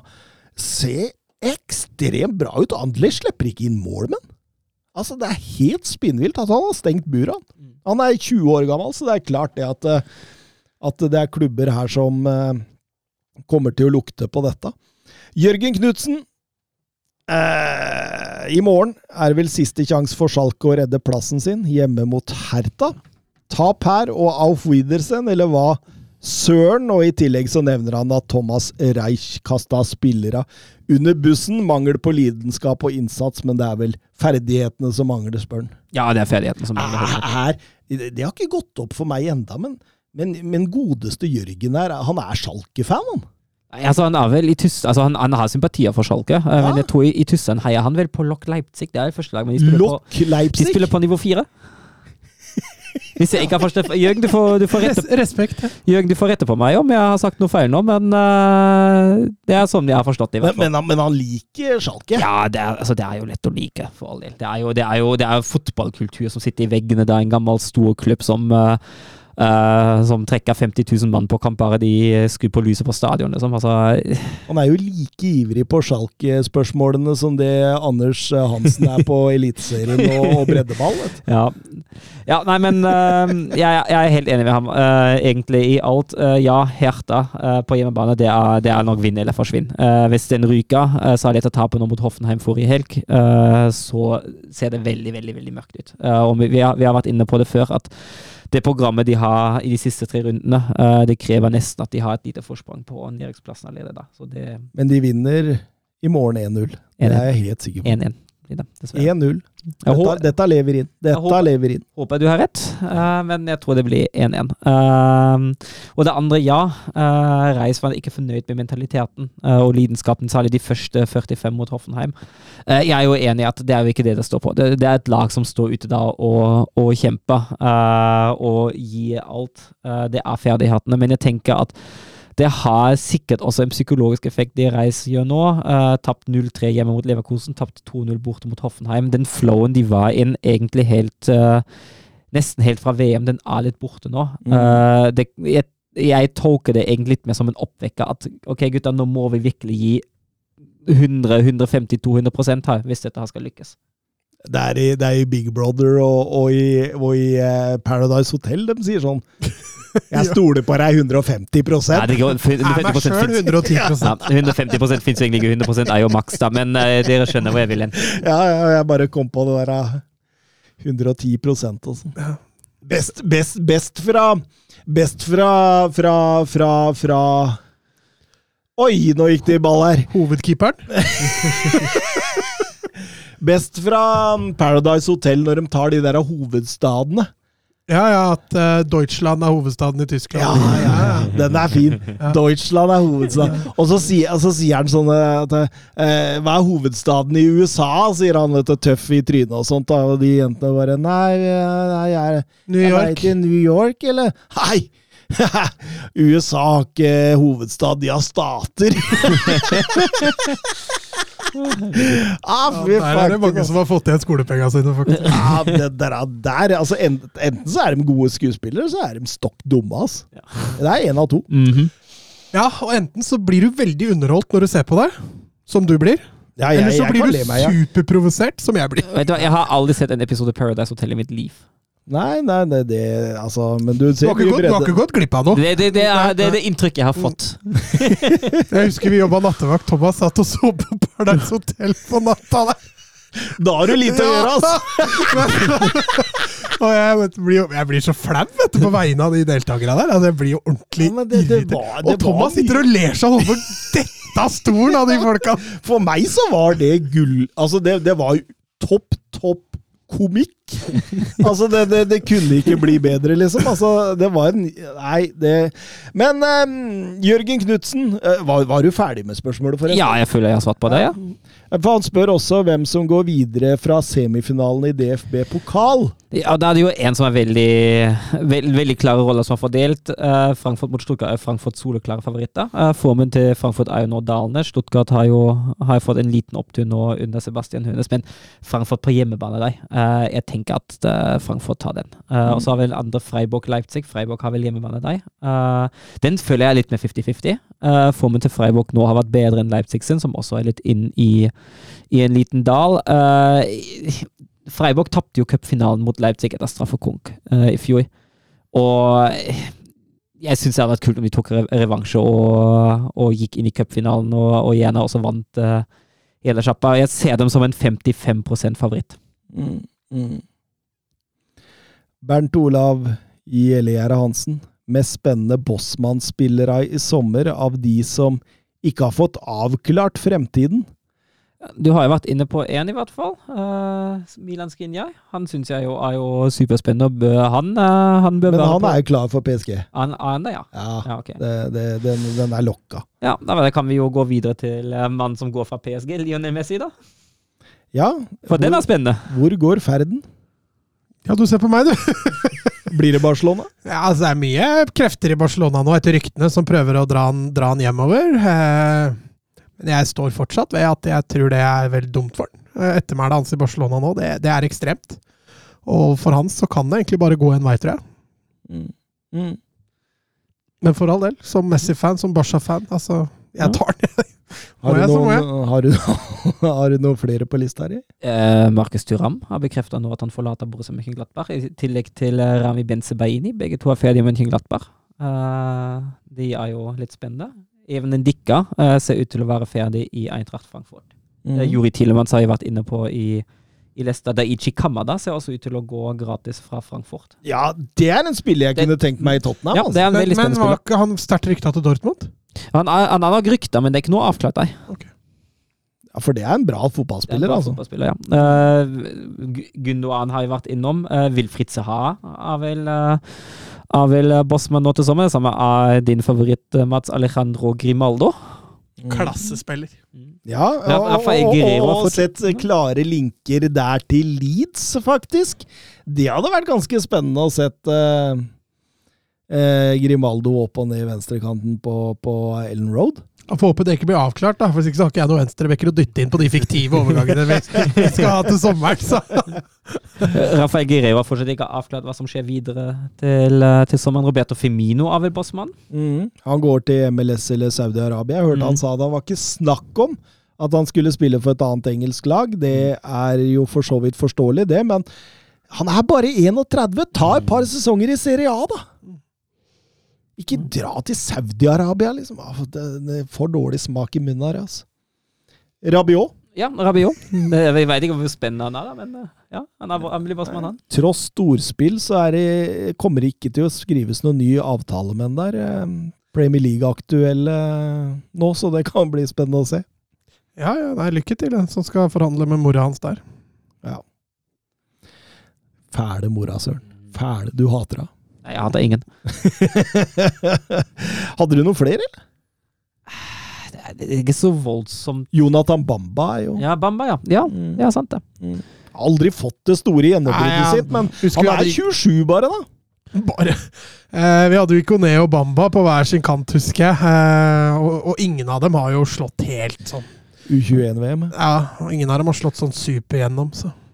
En til er i, i Bundesliga, Elias Giri fra Köln. en Defensiv midtbane Ankandai. Eh, som egentlig overviser stort i Köln, som gjør en veldig god jobb der. Det er klart at han går, men ingen vet hvor. Eh, Spennende spiller han òg. Ikke, ikke helt for topp-toppklubbene, men eh, Mm. fortsatt spennende. Nydelig, nydelig. Nevnte du ikke Even Endika? Og så er det så Basha ville ha. Mm. Ja, Det er spennende, det òg. Men eh, litt sånn, litt sånn uvønn type han nå, altså. Litt sånn, eh, litt sånn varierende i prestasjonene sine. Litt Opamecano, altså. Yep, litt. Eh, Jakob Hoff Galtier i trøbbel også utenfor banen, og dette går vel bare én vei. Dere har fått med dere det siste der? Det var en e-post uh, til uh, i NIS, hvor han uh, lira av seg at vi kan ikke ha så mange svarte og muslimer i, i troppen. Og det har lekket ut. Det har lekket ut via tidligere NIS-direktør Jolian eh, Fournier, som, eh, som vel indikerte at eh, Galtier har rasistiske eh, holdninger. Eh,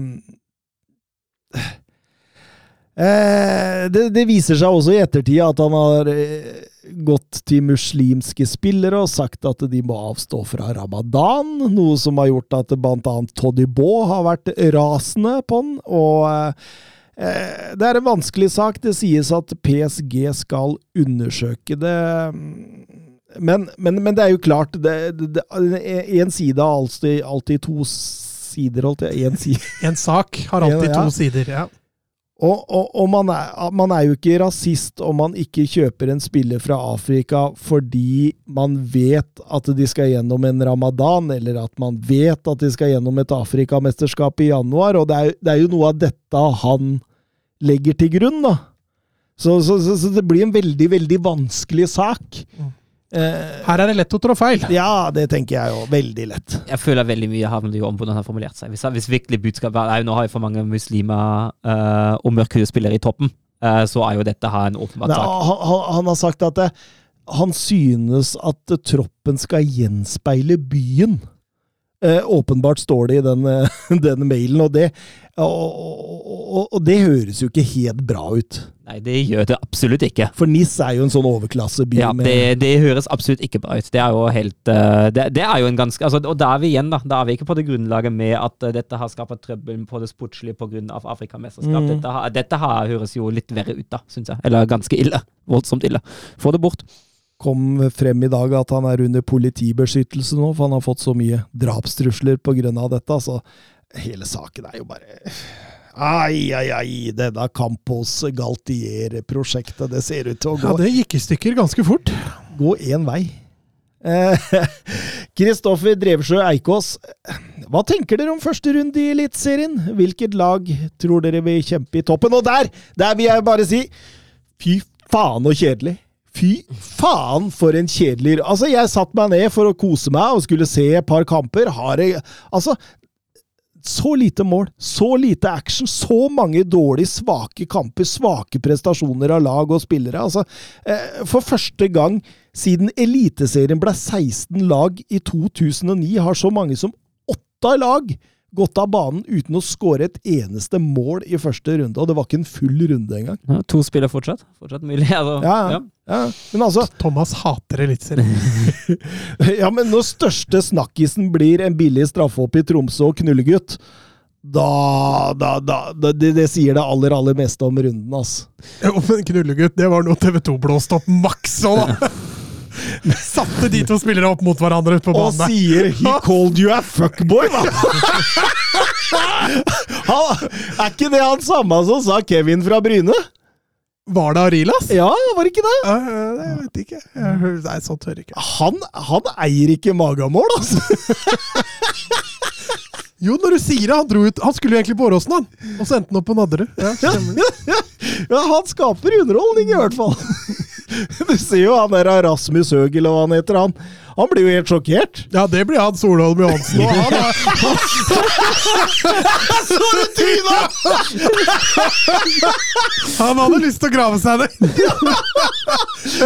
Du ser trynet hans bare forandre He called you a fuckboy. Oh shit, tenkte jeg. Det trynet er episk, ass!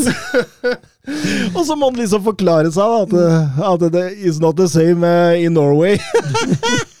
det var utrolig bra! Ja, Den lot jeg meg underholde. Den, den var helt uh, særklasse. Takk for den, da, Riles. Den var helt konge. Men eh, jeg veit ikke om jeg ville blitt intervjua av deg igjen, hadde det vært Solholm og Johan. Nei, Jeg hadde lett gått forbi. I hvert fall passa godt på hva jeg har sagt til deg neste gang.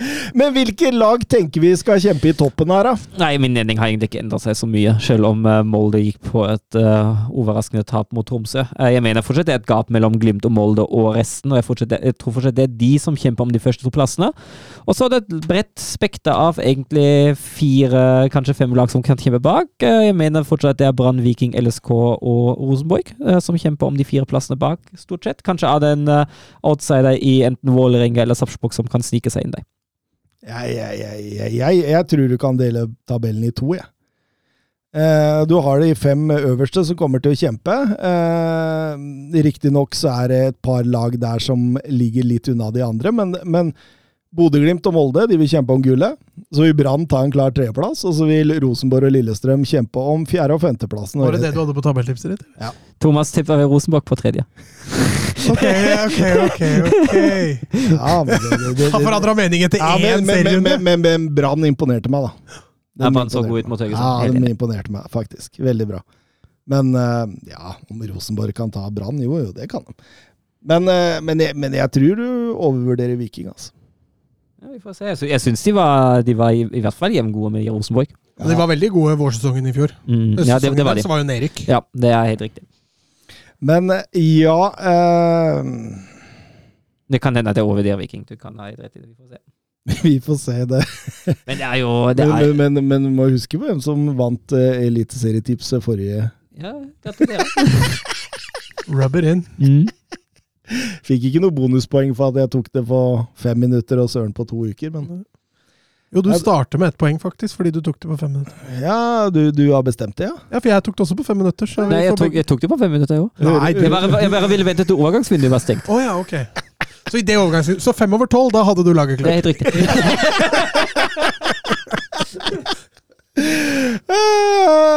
Jørgen Knutsen. Nei, Jørgen Knutsen, sier jeg. Jørgen Nystuen. Hvem er Jørgen Knutsen? Hvem det er? Ja. Det er favorittlytteren til uh, Søren Døfker. Ja, stemmer det.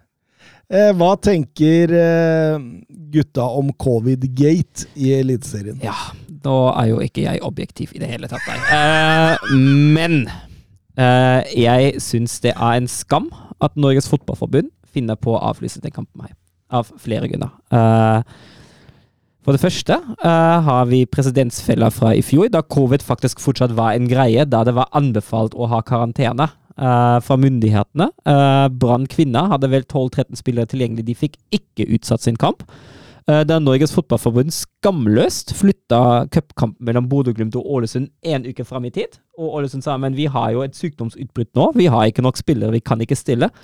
Da blir det ikke flytta. Nå blir det flytta pga.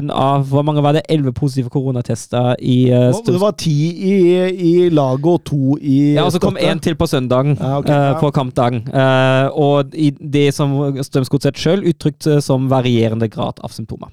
Uh, I tillegg blir dette flytta én dag før. NFFs turneringsreglement sier helt klart at det kan skje senest to dager før kampstart. Eh, Og det er et reglement der som tilsier at ved sykdomsutbrudd ja, okay, ja, så har du, kan du få det på kortere Greit, men ja, uansett. Uh, Godset hadde et fellestrening på søndag. Da dukket 13 mann opp. Uh, en ble sendt hjem med positiv koronatest. Uh, Godset har et andre lag som spiller i, uh, i andredivisjon. Uh, det går kjempefint for førstelaget å sende masse, eller, for å sende masse Ja, for de rykka opp i fjor, de, Ja. Hold kjeft, da. De Førstelaget fyller stadig vekk opp sine andrelagstropper med, førstelags, med førstelagsspillere. Det går helt fint. Men når det, er, når det kanskje har krevd at man trenger fem andrelagsspillere på benken for å fylle en tropp og stille, med, stille da med 18 eller 19 eller 20 mann til en eliteserietropp, da blir det plutselig en kjempeutfordring.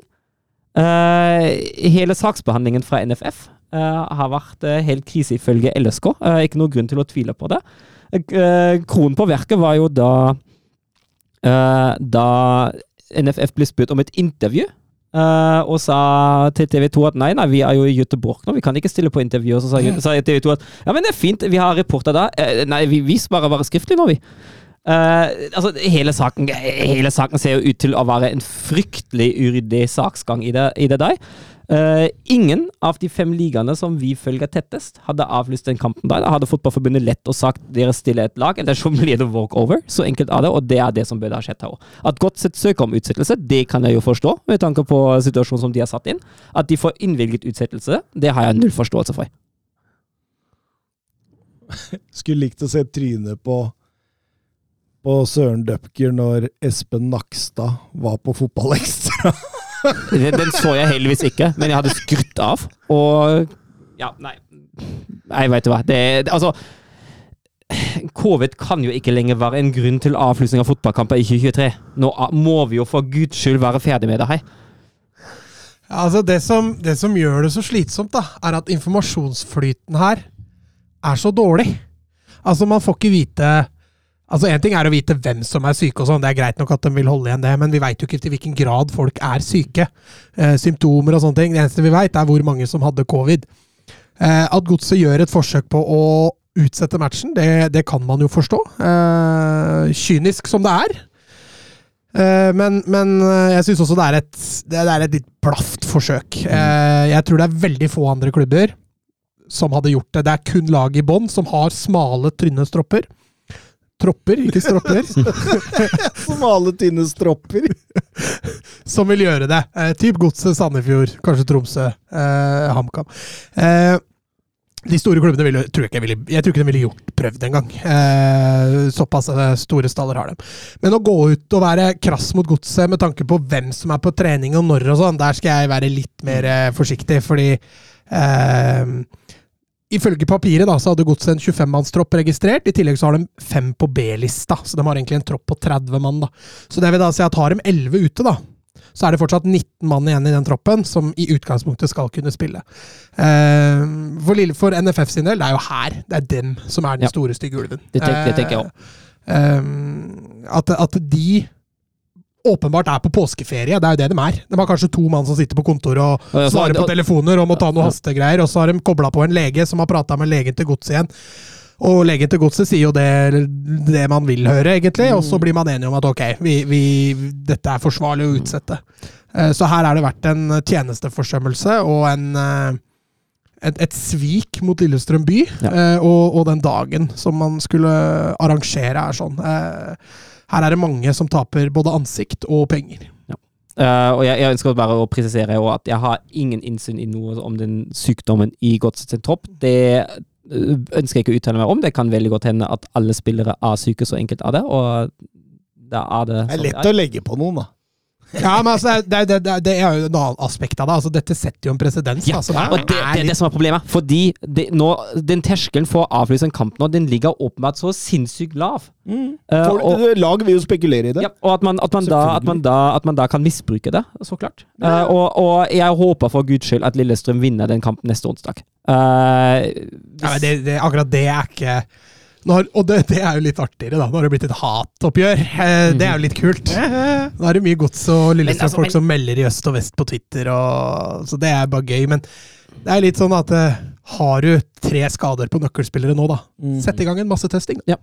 Så ser vi hvor mange som har covid. Og det, det er liksom det som er, som er problemet, da. Og vi har slutta med masse testing av korona i starten av 2022. Nei, ikke Kan jo, kan jo gå på jobb nå med korona. Det. Altså, i- ja. Tingnes Bø vant ikke han noe skirenn? men- Jo, han vant, han vant uh, Tingnes, Johannes Tingnesbø og Taja Bø. Uh, hadde avlagt positiv koronatest, blir nummer én og to. Uh, det er en forskjell mellom å være syk og ha en positiv koronatest. Siden vi ikke veit hva som skjedde i Godset. Som sagt, jeg Jeg veit hva som skjedde. Det var to-tre nøkkelspillere som var skada, og så tenkte de at oi, nå, nå kom det et par covid-tilfeller her. Nå, nå kjører vi! Jo, men det er- Jeg er ikke redd for å snakke! Nei da, jeg skjønner det, og det er greit, det. Og at, eh, men her er det jo åpenbart Jeg tror ikke de ljuger om det. At det er ti stykker med covid. Neida. Nei, Men det er symptomene her som er Det er symptomene som er spørsmålet, da. Ja. Er, de, er de syke, eller, eller er de ikke syke? ja, For de sa liksom På mandag så var sju av dem tilbake igjen i ikke sant? Ehm, og, og de trente visstnok hver for seg og aleine og, og i påvente av flere tester. Ja, men sånn. så var jo det som var jo et argumentasjon fra enten godt Jeg husker ikke om det kom offisielt fra klubblegen, eller om det var supporterne uh, som sa det. En, en greie for å avlyse den kampen var jo litt sånn at ja, det kan hende at de ikke er syke, men seinfølgende kan fortsatt hende hvis du driver med idrett i kroppen. Uh, med covid i, hvis du driver med idrett med covid i kroppen. Men da var de åpenbart friske nok til å trene igjen på mandag, da. Eller nei, tirsdag. Unnskyld. Ja. Og det, det, det, det kaster jo et litt dårlig lys over det hele, da. Nei, det er, en, det er en, som du sa i stad, det gir en litt sånn vond smak i munnen der. Ja, og så- og så var- jeg- Geir Bakke var jo også tydelig på at hvis dette her er så alvorlig, bør flere kamper til godt sett utsettes. Men uh, de sikter seg jo inn på serieåpning nå til helga. de. Ja, det er- det er deilig å få de Ja, for du tilbake husker, i fjor når Kristiansund fikk et utbrudd. Da ble jo tre kamper flytta. Og da var det ikke bare covid, da var det jo, uh, var det jo influensa og hele pakka. Og da, da lå jo virkelig hele troppen nesten ut. Mm. Og det er jo noe annet. Nydelig, gutta. Nydelig. Vi har levert i dag. Levert i tier på børsen. En VG-børs som er borte, faktisk. Ja, det er trist. Det er synd. Ja, ja. ja jeg har hørt eh, mye og skrevet mye om det. Vi får ta den her, da. 90 minutter børsen. 90 minutter-børsen, og vi gir oss sjøl ti. 90 minutter børsa. Bør, børsa. Lade børsa. vi, vi, vi gir oss nå, vi. Ja, det.